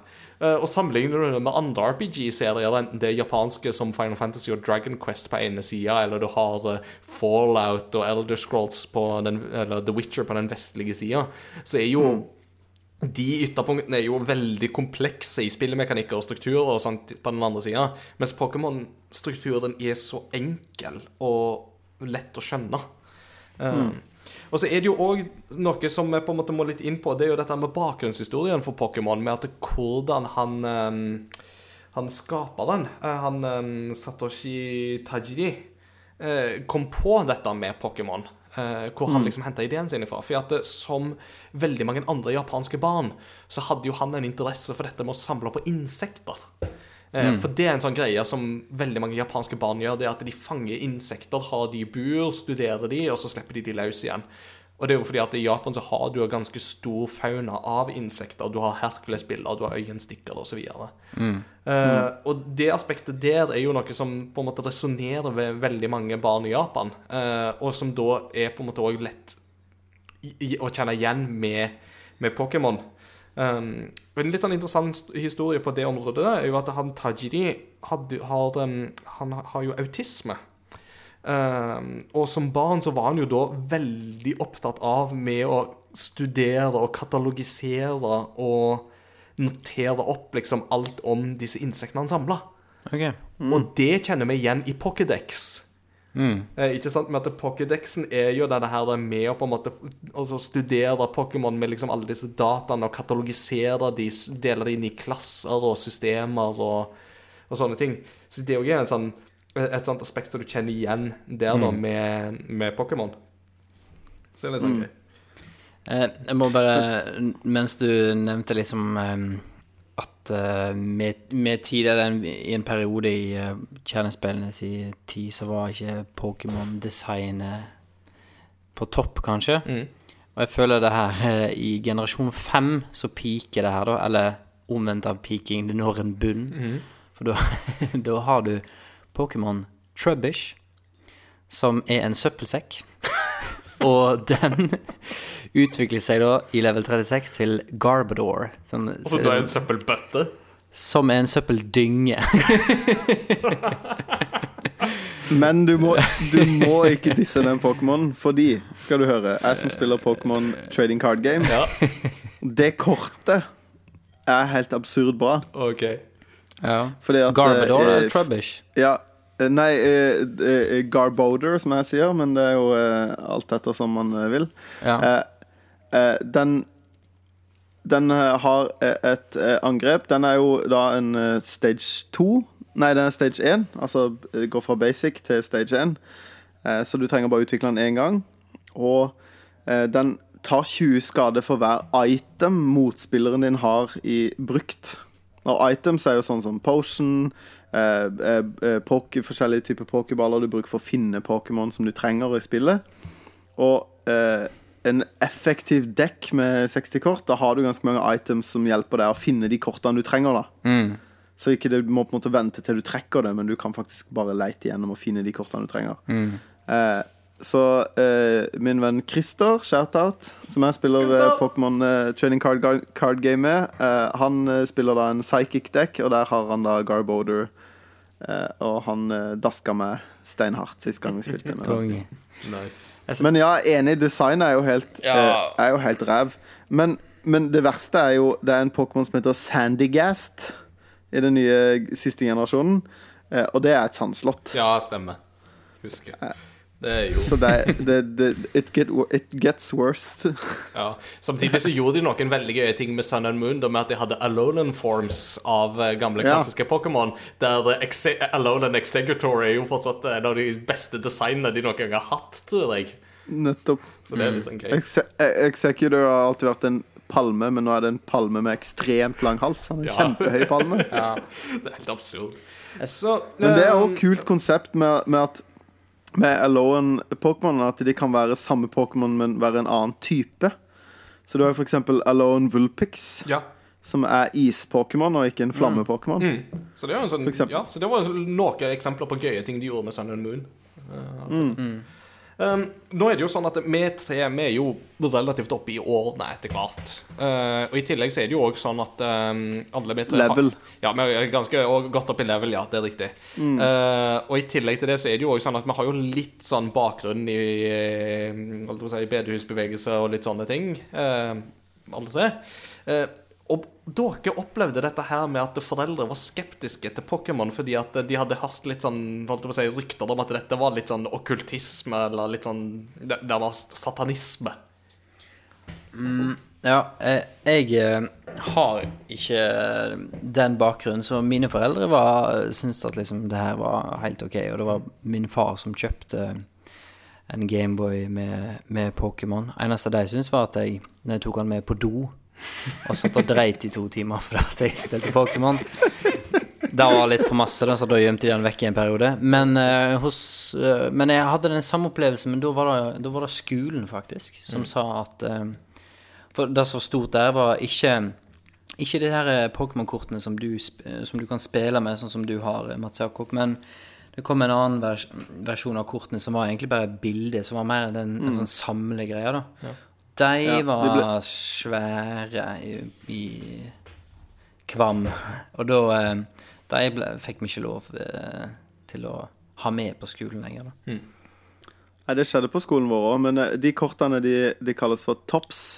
Top. For det var merket de, Tops, de som lagde de kortene, de kalte det merket var Tops. Ok. Eh, eh, og det er fremdeles folk som samler på de kortene, altså. Men jeg, jeg har en del av de kortene, men de har jeg gitt til eh, Ludvig, som er tre år. Ja. Ja. For det er, litt mer, det er jo litt mer appellerende til barn med bare Du vil jo egentlig bare ha et bilde av Pokémon. Vi, Mm. vi spilte jo ikke spillet når vi var små, Nei, nei, nei. Med de uh, trading cardsene som ble lagd av Wizards of the Coast.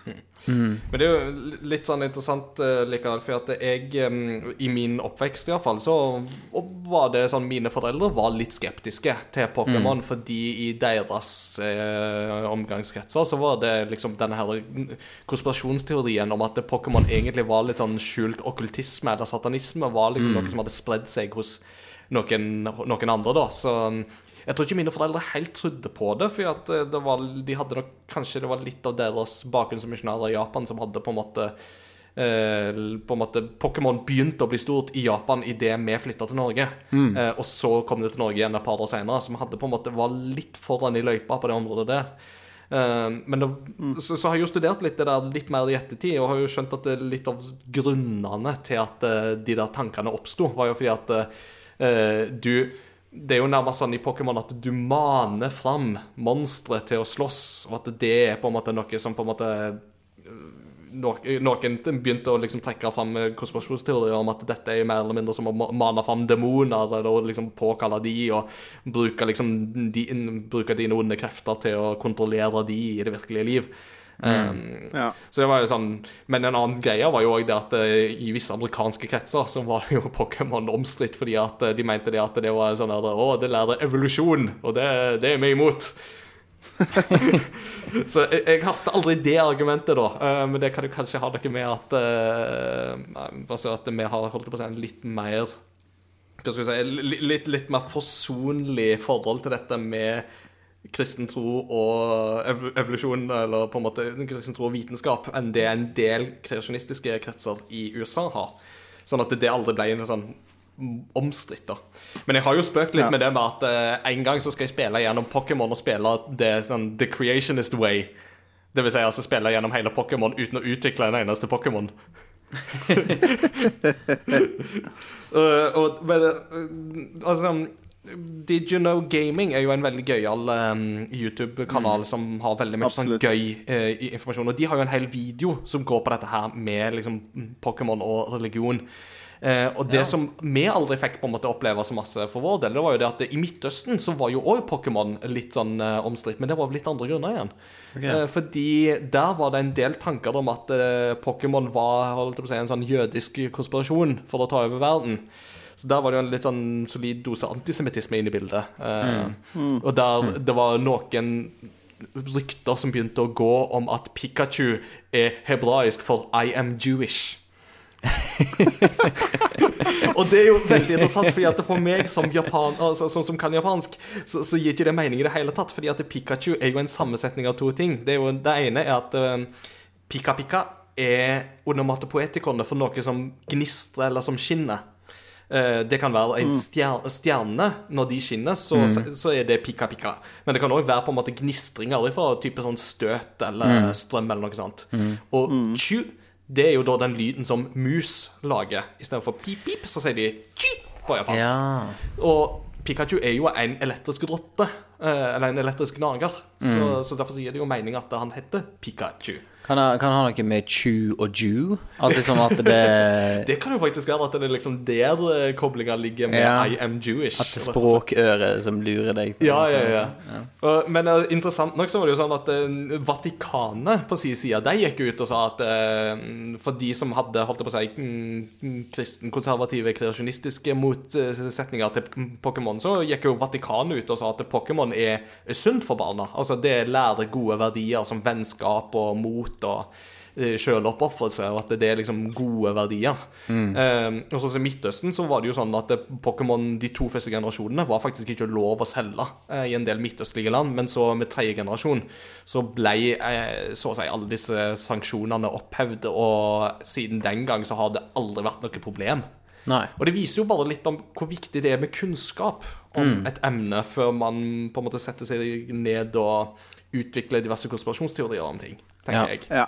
Ja. Det er jo viktig i den sammenheng. Og at folk fort blir eh, redd for eh, nye, ukjente Ja, men, ukjente men en annen sånn ting også, som dukka opp, var jo at det oppsto en teori om at eh, hvis du spilte poker rap baklengs, så fikk du da Gotta catch 'em all, ville da baklengs bli I love you, Satan. Men, ga, sånn- men altså, det må det, Satan G. Altså, jeg begynner på G jeg dårlig snakker baklengs, men uh... Altså, bare, bare, altså igjen, Did You Know Gaming sin video om dette her De har jo faktisk også tatt og spilt av baklengs i videoen, og du hører bare at det, det er ikke sjans i havet at det er det du hører.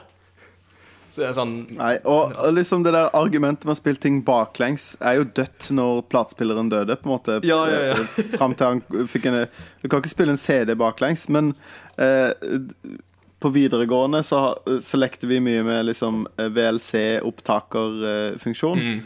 Og der kunne du spille ting baklengs, og da eh, eh, da, av, av den grunn så vet jeg at Satan baklengs er jo natas. Eh, sånn at eh, Gotta catch them all, det blir ikke det, det, er ikke noe, na- det er ikke noe natas der. Nei, nei, nei. Nei. Eh, Eh, Jeg, jeg, jeg, nå, har- jeg har en, eh, en counter-konspirasjonsteori her. Og det er at alle disse Alle disse tingene med liksom eh, I am Jew og Satan og alle greiene der jeg, jeg tror det er frø som Digimon har sådd. For å liksom For å Jeg tror du, Det er den mest plausible teorien jeg har hørt i dag. Ja. Det tror jeg definitivt kan si, altså. Åh, Det var et eller annet annet jeg tenkte på i den forbindelse, men jeg kom ikke helt på hva det var. Så det får helvete Men det var jo Jeg, jeg fortalte jo dere eh, før vi tok opptak, men eh, eh, jeg hadde en jeg, jeg opplevde ikke dette når Pokémon sto på, men mm. jeg har en venn som fortalte om at Om at det var en, en, en eller annen predikant som fortalte at Som hadde fått en Han tro, følte han hadde fått en profeti gjennom en drøm. Eh, om noen små eh, eh, skapninger som skulle på en måte ta over og, kor og liksom ødelegge små barns eh, eh, hjerner og hjerter. Eh, og hadde fortalt om dette, og så når Pokémon kom, så så han det, så fikk han helt panikk, for det var jo disse han hadde sett. Og det var jo for, for mange så var jo det en, eh, på den tida en bekreftelse på at liksom Ja, men dette er jo sant. Mm. Det er jo en som har fått en profeti om at dette skulle skje, og nå skjer det. Uh, så jeg, jeg tror jo da basert på det at Pikachu er jo djevelen. Så det, Ja. det, No det er bare å brenne, brenne alt og boikotte Nintendo. Ja, ja, ja. Det skal jo sies òg, da, at um, Men altså, jeg har jo allerede nevnt litt på dette her med at ehm, han eh, Tajiri henta jo inspirasjonen fra dette her med insektsamling og sånt, og at det er jo det som på en måte ligger til grunn. ikke sant? Men en annen ting var jo også det at eh, i Pokémon sier er det jo sånn at Pokémon de dør jo ikke, de bare besvimer. Det er jo sånn Pikachu fainted når du går tom for liv. ikke sant?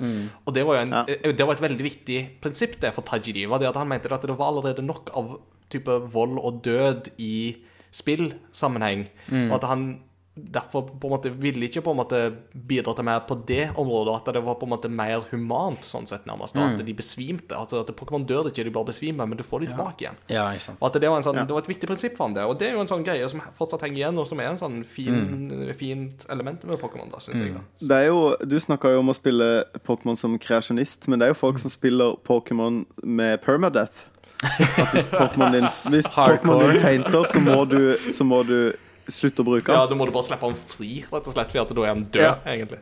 Det må jo eh, Send it to the farm. Og det er jo, jeg vil tørre påstå at det finnes ikke en mer hardcore måte å spille Pokémon på enn det. Da tipper jeg du grinder passer bra. Nei, før, før vi går inn i siste spalte her, så mm. vi trenger ikke si mye om det, men folk må sjekke ut, hvis de aldri ikke hadde gjort det, Twitch Plays Pokémon. Ja, eh, All hail on the night! For eh, Det er, for, det er forresten en, det er fantastisk meme Eller det, det er en fantastisk referanse til akkurat det der i mobilspillet Plague Inc. Ja, Eh, Har du ja. spilt det? Det er jo et sånt mobilspill der du skal du, er, du spiller en sykdom, og målet er å fra å gå og være smitta i ett menneske, så skal du smitte alle mennesker i hele verden til alle mennesker dør av den sykdommen. Det er poenget med Plague Inc. Eh, Og det som er gøy med Plague Inc, er at det øverst på skjermen så går det sånne nyhets, eh, nyhetssaker opp og går, som da er sånn at jo mer sjuke folk blir, så så vil det dukke mer og mer opp. Men i starten så er det jo mer bare sånne forskjellige nyheter for rundt omkring i verden, og en av de er da en av de nyhetene er da en sånn her eh, New religion gains mass following as people all around the world starts worshipping helix fossil. så er det en direkte, så, Som da var en nyhetssak som begynte å poppe opp etter at Twitch Plays Pokémon var i greia. Så du, jeg kom, Men det tok jo helt absurd lang tid òg. Det gjorde det. Men Ja. det, at Det holdt det, på i månedsvis. men det at det det hele tatt gikk, er jo absurd i seg sjøl. Ja. Jeg kom på det jeg skulle nevne i stad, en liten digresjon som jeg tillater meg før vi går til sluttsegmentet. Men um, dette her med spille sanger baklengs-teorier Så er jo um, Jeg har jo to favoritter der. Og det er jo den ene teorien om at hvis du spiller Queen sin sang 'Another One Bites The Dust' baklengs, så får du 'Start Smoking Marijuana'. det er den ene. Men det andre er jo at det fins jo ett eksempel på at det er noe som blir noe baklengs når du spiller det. Og det er jo det kristne bandet Striper, tror jeg det er, eh, som har um, som, som et kristent rockeband. Som har en sang der de begynner med en sånn se- og når du spiller det baklengs, så får du da Why are you looking for the devil when you ought to be looking for the Lord? Ah, så Den er fin, den. Med det så tror jeg at vi runder Pokémon-segmentet vårt eh, av for denne gang. Det er veldig gøy å ta opp eh, dette temaet. Det virker jo som å være et tema som, med all, som, som, som, som alltid kommer tilbake, liksom. Så det er jo gøy. Um, vi skal nå ha en liten kuriositet. Um, dagens kuriositet. Um, Og da har jeg fått æren av å ta det, så jeg bare fortsetter å prate. Um, dette er en kuriositet som jeg tok opp i en av eh, disse pilotepisodene våre som gikk tapt. Um, Ja. Og det er da Nå skal vi til T-banen i, ja, i Tokyo. Um, fordi det året Dragon Quest fylte 30-årsjubileum, jeg tror det var i 2016, så var det da sånn at på en av T-banestoppene i Japan så spilte de av Dragon Quest-jinglen hver gang et tog var i ferd med å gå. Eh, så det var da sånn at Normalt på T-banestopp i Japan så hører du en sånn stemme som sier «Ichiban senkara den, den Og så hører du sånn brrr, Og så psh, Og så kjører du toget. Men istedenfor nå, da, så fikk du en sånn der «Ichiban senkara gochu Og så plutselig hørte du på radioen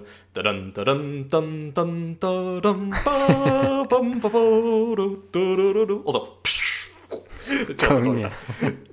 Det er mye bedre. Ja, ja, det er klart, plutselig så blir det gøy å kjøre tog. Plutselig så er du ute på adventure, ikke sant? Så plutselig du, Men du ute på i, quest. i, i Japan er det gøy å kjøre tog. Ja, det er det jo uansett. Ja, altså, det, det kan du Du kan ikke si noe annet enn det. altså, det er jo en grunn til at jeg ikke liker NSB i det hele tatt. Eh, og det er jo grunnen til det jo det at jeg har bodd i Japan i ganske mange år. da jeg vant med Japan Railways. Bortskjemt. Jeg er rett og slett ufatt, ufattelig bortskjemt når det kommer til dette her med god jernbaneinfrastruktur. Så der har jeg en liten lære, altså. Det må jeg bare si. Men eh, eh, jeg har bare lyst til å skyte inn en skrekkelig kort kuriositet, siden din var litt kort. Ja, Kan jeg det? ja hvis den er kort. For det, eh, hvis, Forrige episode så snakka vi om at jeg spilte Doom. ja. Det nye Doom. Og der er det et, et sånn easter egg som jeg syns er helt fantastisk morsomt. Okay. Eh, som jeg vet ikke om dere var borti, men det er eh, eh, Hvis du, du må liksom gå litt sånn litt av liksom, der du egentlig skal gå. Så kommer du til en hule, og inni den hula så sitter det et skjelett. Har dere vært borti det? Nei. Ja, men jeg husker Nei. ikke hva Og eh, det skjelettet, det er rett og slett da et bare vanlig skjelett. Og på det skjelettet så er det på den derre Dovakin-hjelmen fra uh, uh, Skyrim. Nei! Og, og der er det et skjelett, og det, det, som er, det som er gøyest med det skjelettet, er at det skjelettet har da en pil i kneet. Ja Og det, det, det er ingenting som blir sagt, det står ingenting. Du bare finner et sånn Dovakin-skjelett med en arrow to the knee, og det er så morsomt. I så fall så må jeg slenge inn dagens tredje kuriositet helt kort. Ja, Og det er i starten av The Witcher 2, eh, Mm. når denne byen er under angrep, eh, så skal liksom Geralt gå og finne kongen. Eh, og mm, hvis du da går til en sånn der, Ved slottsmuren, så ser du en høyball. Eh, en sånn Ja! haug- med høy som ligger der. Og rett ved siden av denne høyballen så ligger det en kar som tydeligvis har datt fra slottsmuren, og som har prøvd å hoppe ned i det høyet. Bomma, og så ligger han død ved siden av. Og han har jo da hvite klær på seg, akkurat som Assassins i Assassin's Creed. Og så sier han sånn ah, They never learn. Det er så rått. Helt fantastisk. altså. Men det er, det er jo helt fantastisk når spill som ikke er relatert, eh, kommer med sånne referanser til andre spill. Det er jo helt rått. Ja, det er så gøy, altså. Uh, med det så går vi til uh, vårt siste ledd i, uh, i vår liturgi, og det er da Christian som har fått ansvaret for dagens postludium. Christian, hva har du valgt? Du, jeg har valgt uh, postludium som vi har snakka litt om uh, tidligere i episoden. Eh, og da er da blir valgt eh, et av sporene fra soundtracket til Ori and the Blind Forest. Godt valg. Så um, da um, You guys are in for a treat. Og uh, sjekk ut uh, resten av soundtracket på uh, Det ligger vel på iTunes? Jeg tror det ligger på Spotify òg, faktisk. Spotify ligger det på. Eh, ja. Og Ori det and the er Blind Forest av Gary, Gareth Broker. Gareth Broker, ja. Og um, gleder meg veldig til å høre han Nå er det jo ikke så veldig lenge til Ori and The Will of the Wisp, The Will of the Wisp. som kommer til neste år. Ja. Og når de reveala det, så satt vel han Gareth eh, på scenen og spilte et eller annet sånt tema. Husker du Ja, det? På det E3. stemmer, ja, jeg tror det stemmer det, når du nevner det. Ja, det var, kom i hvert fall ut en kar og liksom satt og spilte piano Ja, som tema. var, ja, stemmer. Jeg tror det var Ja, og så kom det litt sånn strykgreier på, og så plutselig så ser du Ori i bakgrunnen, og folk bare yeah!